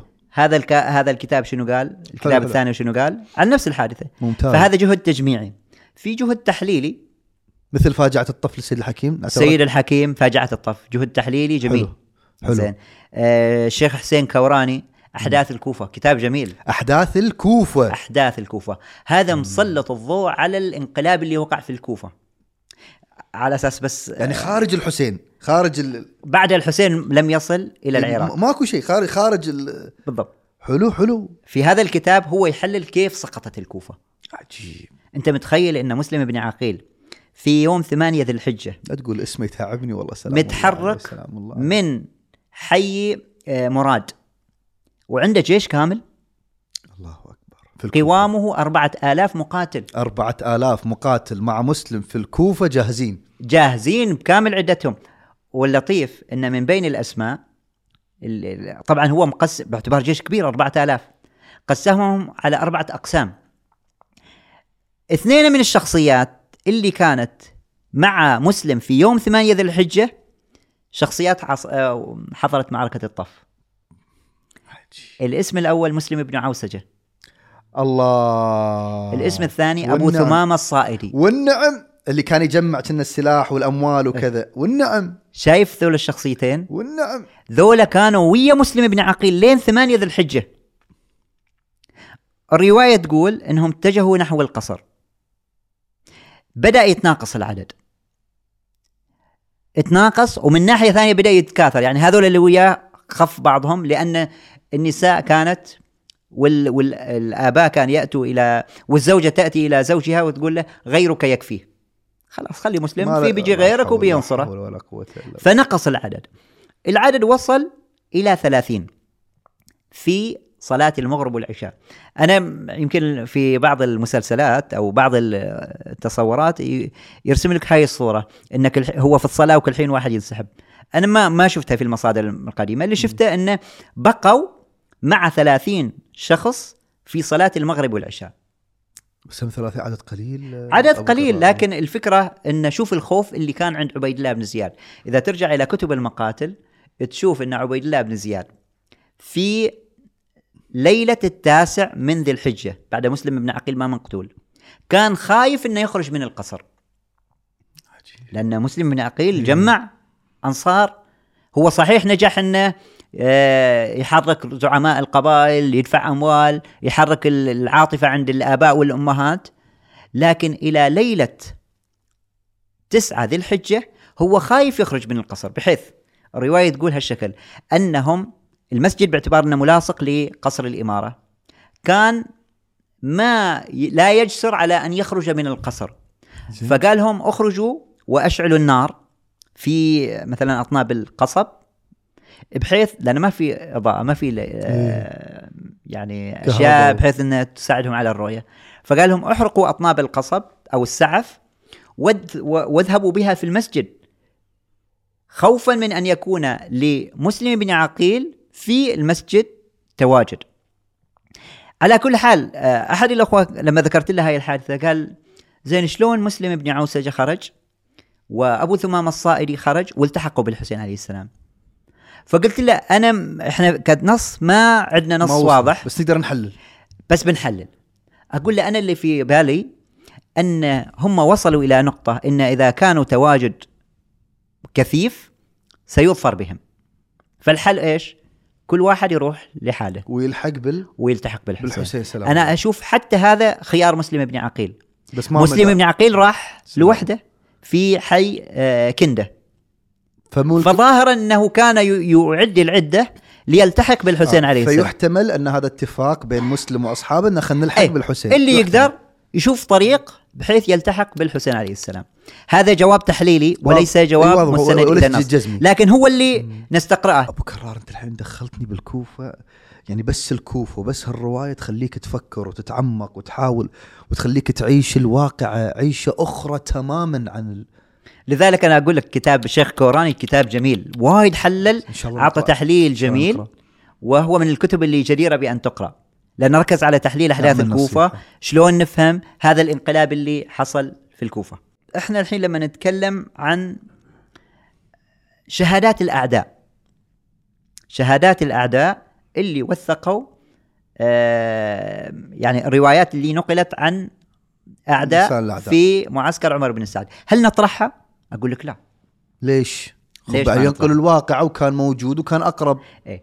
اللي كانوا في جيش عمر بن سعد هذول مجرمين صح زين إحنا الحين نسأل المجرم هل ترفض شهادته البتة لكن يعني على سبيل المثال إذا يعني مجرم آه قلنا له كيف صارت هذه الحادثة مثلا كيف حادثة إيه. القتل جارت يقول لي هالشكل هالشكل هالشكل هالشكل بل أحيانا يؤتى به إلى مسرح الجريمة يقولون له مثل يقولون له مثل مثل الجريمة. شلون سويت الجريمة؟ زين. هذا معطينك افاده هذا مجرم إيه. وقع حضر واقعة كربلاء وجالس يوثق شهادته. بس مو غالبا كذي راح يصيرنا يحاول يطلع نفسه بصورة زينة. خل خل أذكر لك أنا بعض الشواهد. زين.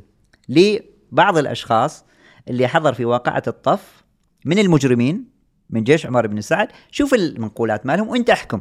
هل هو جالس يزكي نفسه؟ لو خوش. قاعد خوش. ينقل لنا اللي شافه هو وقف أمام سبط النبي صلى الله عليه وآله. شنو طب. صار؟ عفيف بن زهير بن أبي الأخنس. هذا ممن كان في معسكر عمر بن سعد. شو يقول؟ نقل مقتل برير ابن خضير الهمداني. وقال إن بريرا كان يقرئهم القرآن في المسجد الجامع. هل تشوف فيها هذه تزكية له لا ياس ينقل قال لنا يسولف بل يمدح من؟ برير. برير إيه. وما روى- يدري إن روى مقتله. المديح أصلا أقدر أفهم من هالرواية انه إنه ماكو مسوغ للكذب. إيه. ترى هذه إحنا يعني أي خبر؟ أي خبر يجيك الحين شخص؟ صار الموضوع الحين. أي خبر يجيك؟ أنت تشوف ظروف أشوف ظروف الخبر. الظروف الاحتمالات النسبة الاحتمالية للصدق في هذا الخبر. قاعد ينقل لي إن أنا شفت مقتل برير ابن خضير. صارت هذه الم... مثلا المشادة المباهلة بينه وبين واحد من تقريبا يزيد بن معقل من معسكر عمر بن سعد ودعوا أن ال... ال- الكاذب فيهما يقتل. برز إليه برير ضربه بالسيف قتله. زين. ثم تكاثروا على برير طب الغريب إيش مالك أنت واقف ضد برير هذا هذا يعني الناس يعني سبحان الله يعني إيه يعني ما قل هل ننبئكم بالأخسرين أعمالا الذين ضل سعيهم في الحياة الله. الدنيا وهم. يعني هو على باله أن أنا أسوي شيء زين. إن أنا ناقل الخبر هذا أعود على كل حال هذا الناقل نقل هذا المشهد. هل أقول له أنا ما أريد هذا الرواية؟ لا. ماكو هذا أي؟ مسوغ للكذب الآن في ما في أي مسوغ إن ولا قرينه تدل على انه قاعد يختلق قصة أو بالضبط. انه يبي يحسن صورته أو بالعكس هو بين أنه هو الشيء المهم إن حتى بعض هاي الروايات اللي منقولة من جهة الأعداء نشوف شيء يعاضدها ويؤكد عليها من قبل معسكر الحسين. فخلاص. هذه ترفع. القيمة الاحتمالية. هذا شاهد. مثال ثاني ربيع بن تميم الهمداني.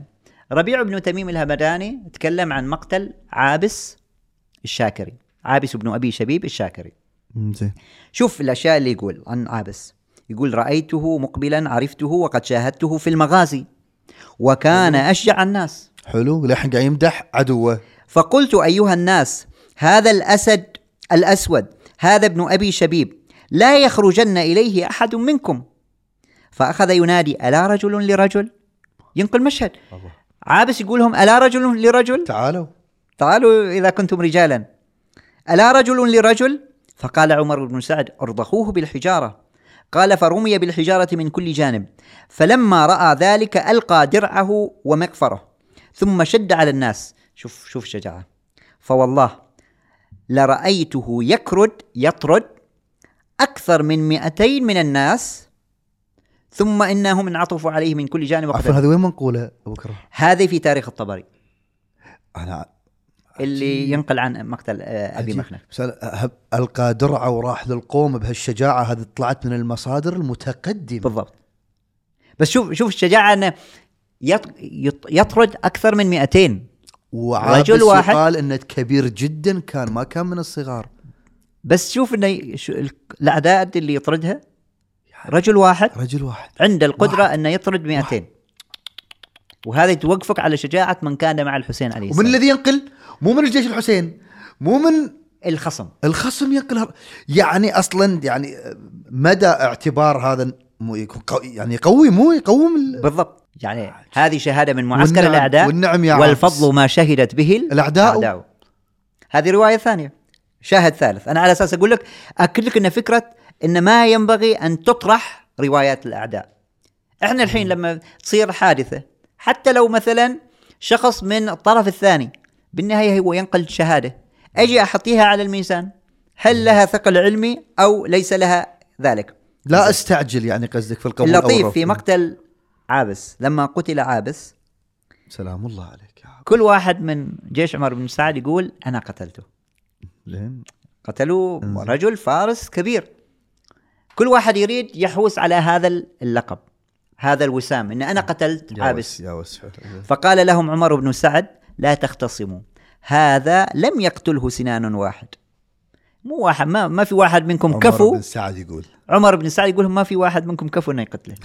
هذا شخص كثر عليه القتل من كل جانب ومكان. ترى شر البلية ما يضحك أبو كرار. أن الأعداء إذا بتحط أنت شهادتهم على الميزان غريب ترى الميزان هذا. روايات هو يوثق جريمة فأنا بالنسبة لي مفيدة هذه. مفيدة جدا. إنه ينقل من زاوية غريب. كيف استشهد بعض الأصحاب. غريب غريب. زين خل أعطيك اسم آخر. عبد الله بن عمار البارقي. هذا يقول ملت هذا في اللحظات الأخيرة أيضا. يقول ملت على حسين بالرمح فانتهيت إليه. الله أكبر الله. فوالله لو شئت لطعنته ثم انصرفت عنه غير بعيد.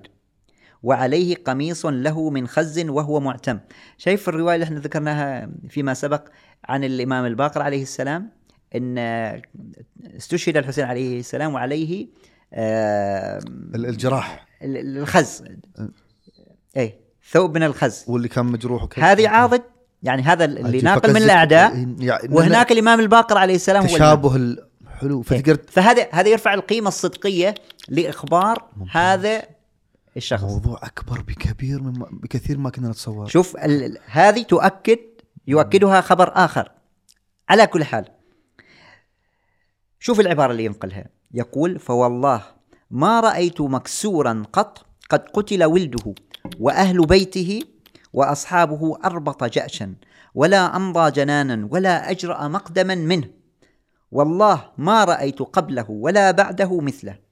إن كانت الرجالة لتنكش تنكشف عن يمينه. وشماله انكشاف المعزى يا الله. الحسين في. ذيك اللحظات في ضعفه القوم كانوا يخافون. شبيه جدا بالنص اللي تو قريناه.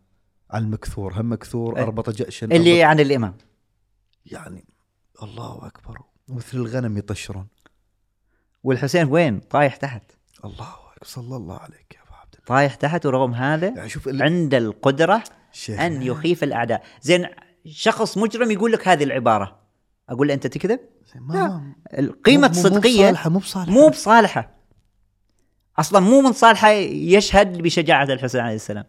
لكن سبحان الله وبأصعب لحظة. مو تقول لي بموقف مثلا نزوله في الميدان بين العباس والأكبر الأصحاب. لا لا الحسين مكثور وغريب روحي له الفداء. وقد قل ناصره. بل انعدم ناصره. روحي لك الفداء. ورغم هذا كان عنده القدرة العظيمة على أن يفتك بالأعداء وأن يرعبهم. طبعا هذه أنا يأخذني إلى محطة مهمة. أهمية خصوصا للخطباء أهمية مطالعة سيرة المقتل لأن فيها زوايا جديرة بأن تذكر و أنت أنت تحرص على الإبكاء صح؟ رحم الله والديك كخطيب كرادود كشاعر. قديم هذه من الأشياء اللي تكون حرصك. أنت مو وين راح تقدر تنسج صورة آه، مبكيه روح اقرأ التاريخ. عفوا أنا ما ودي أكون سلبي أبو كرار ولا ودي أنا مو مقام إني أنصح أو كذا. اولا إحنا قلنا في ما اتفقنا نتكلم في هذه الجزئية لكن ترى يصير ساعات في كلام إن هذا ورد هذا ما ورد وليش تجيبون أحداث؟ فاهم قصدي؟ ف- أنا بغى أقول لك ف- إن فهذا هذا القديم موروث عندنا عظيم مقدار كبير. كبير. بل خل موثوق معتبر له شأنية عظيمة وفي قرائن وفي كتب قديمة. يعني ما أنا بذكر لك بعض الشواهد اللي فيها إشارات لحوادث يمكن تقول لي أول مرة أسمعها. حوادث جرت في مقتل الحسين وأصحابه. خل أذكر لك المشهد الأول. في مقاتل الطالبيين. وش المشهد اللي مرتسم في ذهنك عن مقتل الأكبر؟ وداع الحسين حقه والعطش أيوة. والحسين قابله في التفصيل هذا أمك والدعاء. توجه إلى معسكر الأعداء. رحم الله والديك وراح و... جاء له العين. إي على الفرس الدم أيوه. وضيع وذهب الطريق. إلى به إلى معسكر الأعداء. روحي لك الفداء يا علي الأكبر في مشهد وقع قبل هذه الحادثة. من اللي نقله؟ مقاتل الطالبيين. صاحب مقاتل الطالبيين. ومشهد مؤلم يعني يحرق القلب. علي الأكبر. قبل أن يضرب بالسيف ضرب بسهم في حلقه فشجه. الله أكبر. شوف هذه يعني هو علي من ظلامات علي الأكبر عليه السلام. في حلقه في حلقه فشجه. فشجه. ثم ضرب بالسيف وأخذه ال- الحصان إلى هذا. يعلل الدماء كيف سالت على إيه. رأس ال- مقدار الفرس. كبير يعني. ومقدار الألم اللي عاش الأكبر عليه السلام. وكيف ينظر الحسين إلى وهذا هذا؟ كله بمنظر من سيد الشهداء. الله أكبر. مشهد آخر ينقله الشيخ المفيد وذكرناه قبل قليل اللي هو لما كان الحسين عليه السلام في لحظاته الأخيرة جاء إليه شمر بن ذي الجوشن ورشقوا جسده الشريف بالنبال. أيضا في رواية الأمالي للشيخ الصدوق. الرواية هذه اللي رواية عبد الله بن منصور عن الإمام آه، الباقر عليه السلام أن سنان بن أنس أخذ بلحية الحسين عليه لا السلام حول ولا قوة إلا بالله. وجعل يضرب لا بالسيف حول في حلقه ولا قوة إلا بالله. اللهم صل. شوف الحسين عليه السلام عاش آلام عظيمة جراحات عظيمة لا حول في ولا اللحظات الأخيرة. شوف هاي الرواية تسلط الضوء على الله. مشهد لعله لي لا, لا يذكر عادة. الله أكبر. الله إحنا متصورين بس جاء الشمر. وخلاص. لا هاي رواية تقول لا سنان قبض لحيته وأخذ يضربه لا. حول ولا قوة إلا بالله. يا فاطمة يا رسول الله يا أمير المؤمنين. لما قتل أيضا الحسين عليه السلام احتزوا رأسه. في رواية ينقلها الطبراني في المعجم الكبير. يقول أنهم شربوا الخمر على رأس الحسين عليه السلام. فخرجت لهم خرج لهم قلم من حديد من حائط فكتب بسطر من دم. أترجو أمة قتلت حسينا شفاعة جده يوم الحساب؟ يقول فتركوا الرأس الشريف. بعد مشهد مؤلم لقلبك يا مؤمن. يذكره الشيخ السيد ابن طاووس في كتابه اللهوف إحنا عادة لما نتكلم عن حضور الزهراء عليها السلام في واقعة كربلاء نفترض انه بس حضور بلسان الحال. لا في كتاب اللهوف لابن طاووس يوثق أن الزهراء عليها السلام كانت حاضرة في كربلاء. وين نشوفه؟ تقول سكينة. أنها رأت في المنام وذكرت مناما طويلا.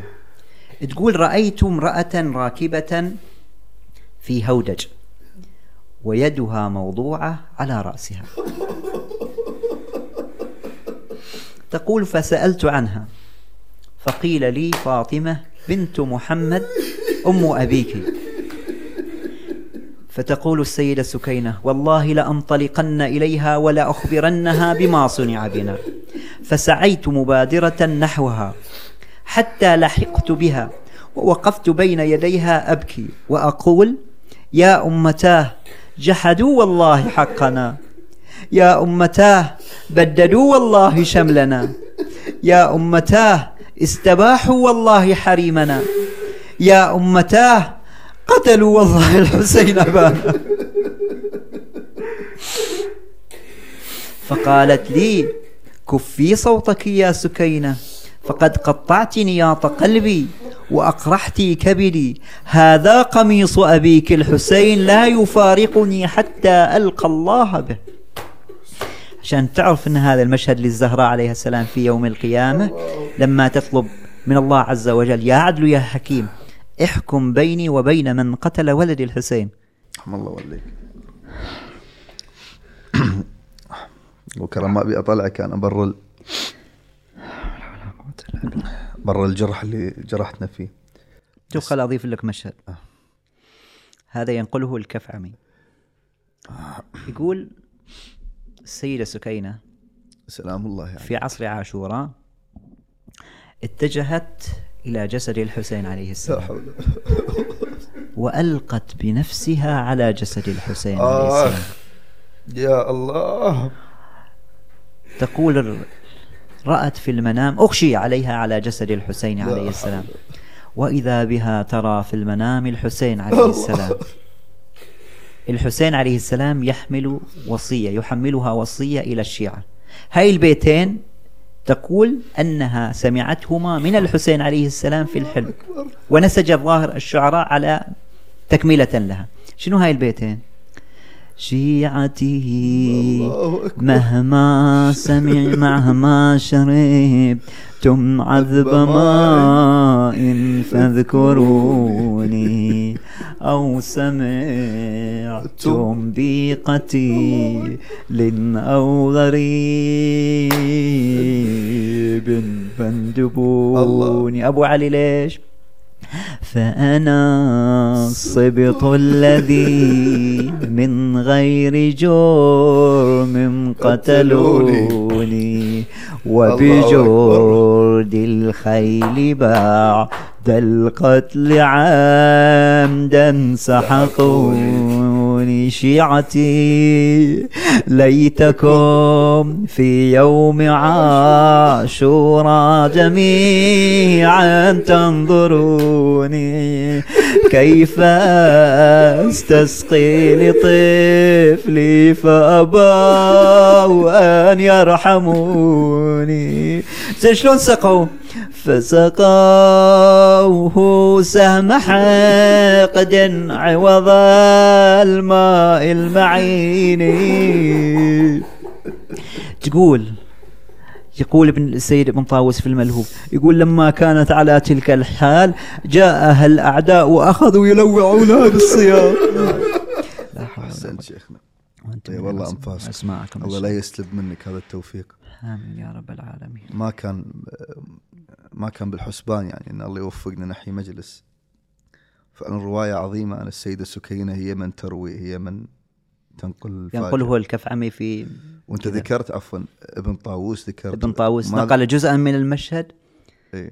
الكفعمي نقل ما. ذكرنا إحنا اسمائهم ترى هم عند مقتل ابن طاووس كان ابن طاووس عنده مقتل معروف ووصل إلى زماننا اللي هو مقتل لله.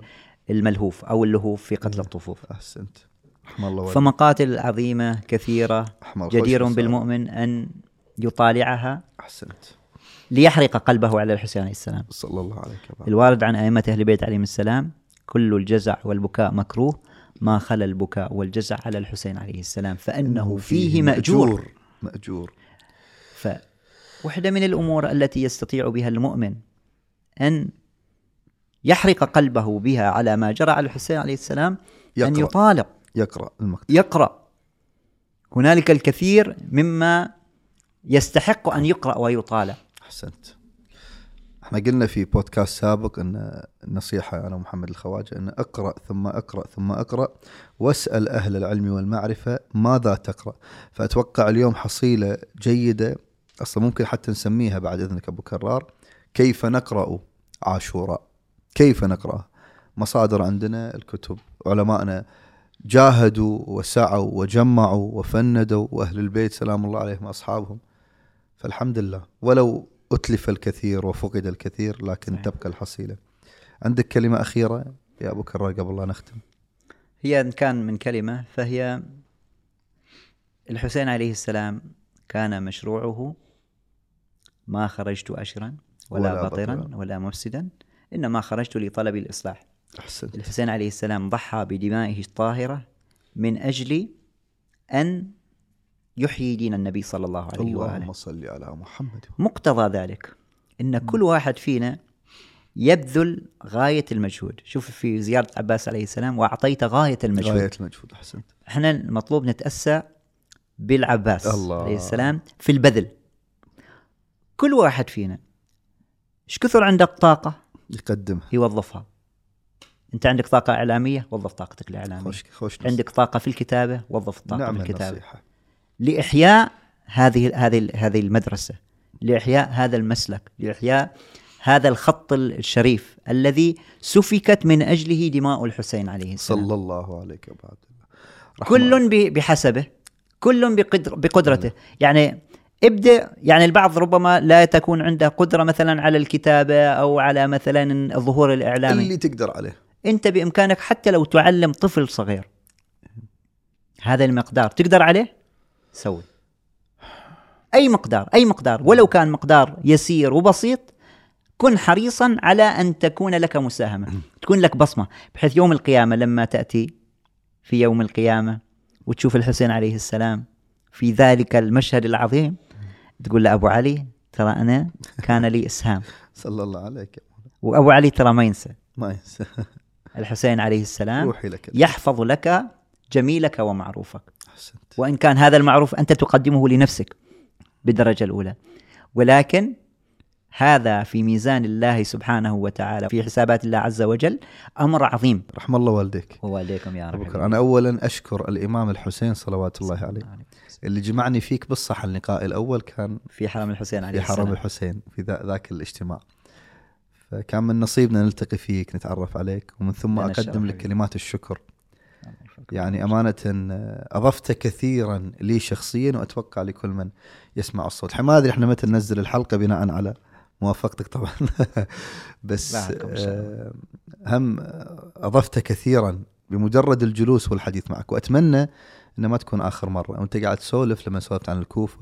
حلو إنه يصير حديث خاص مثلا بس عن مسلم. إن شاء الله تصير جلسة هذه الأمور لطيفة ترى إذا نوثقها أبو كرر نستفيد منها فعلا يعني.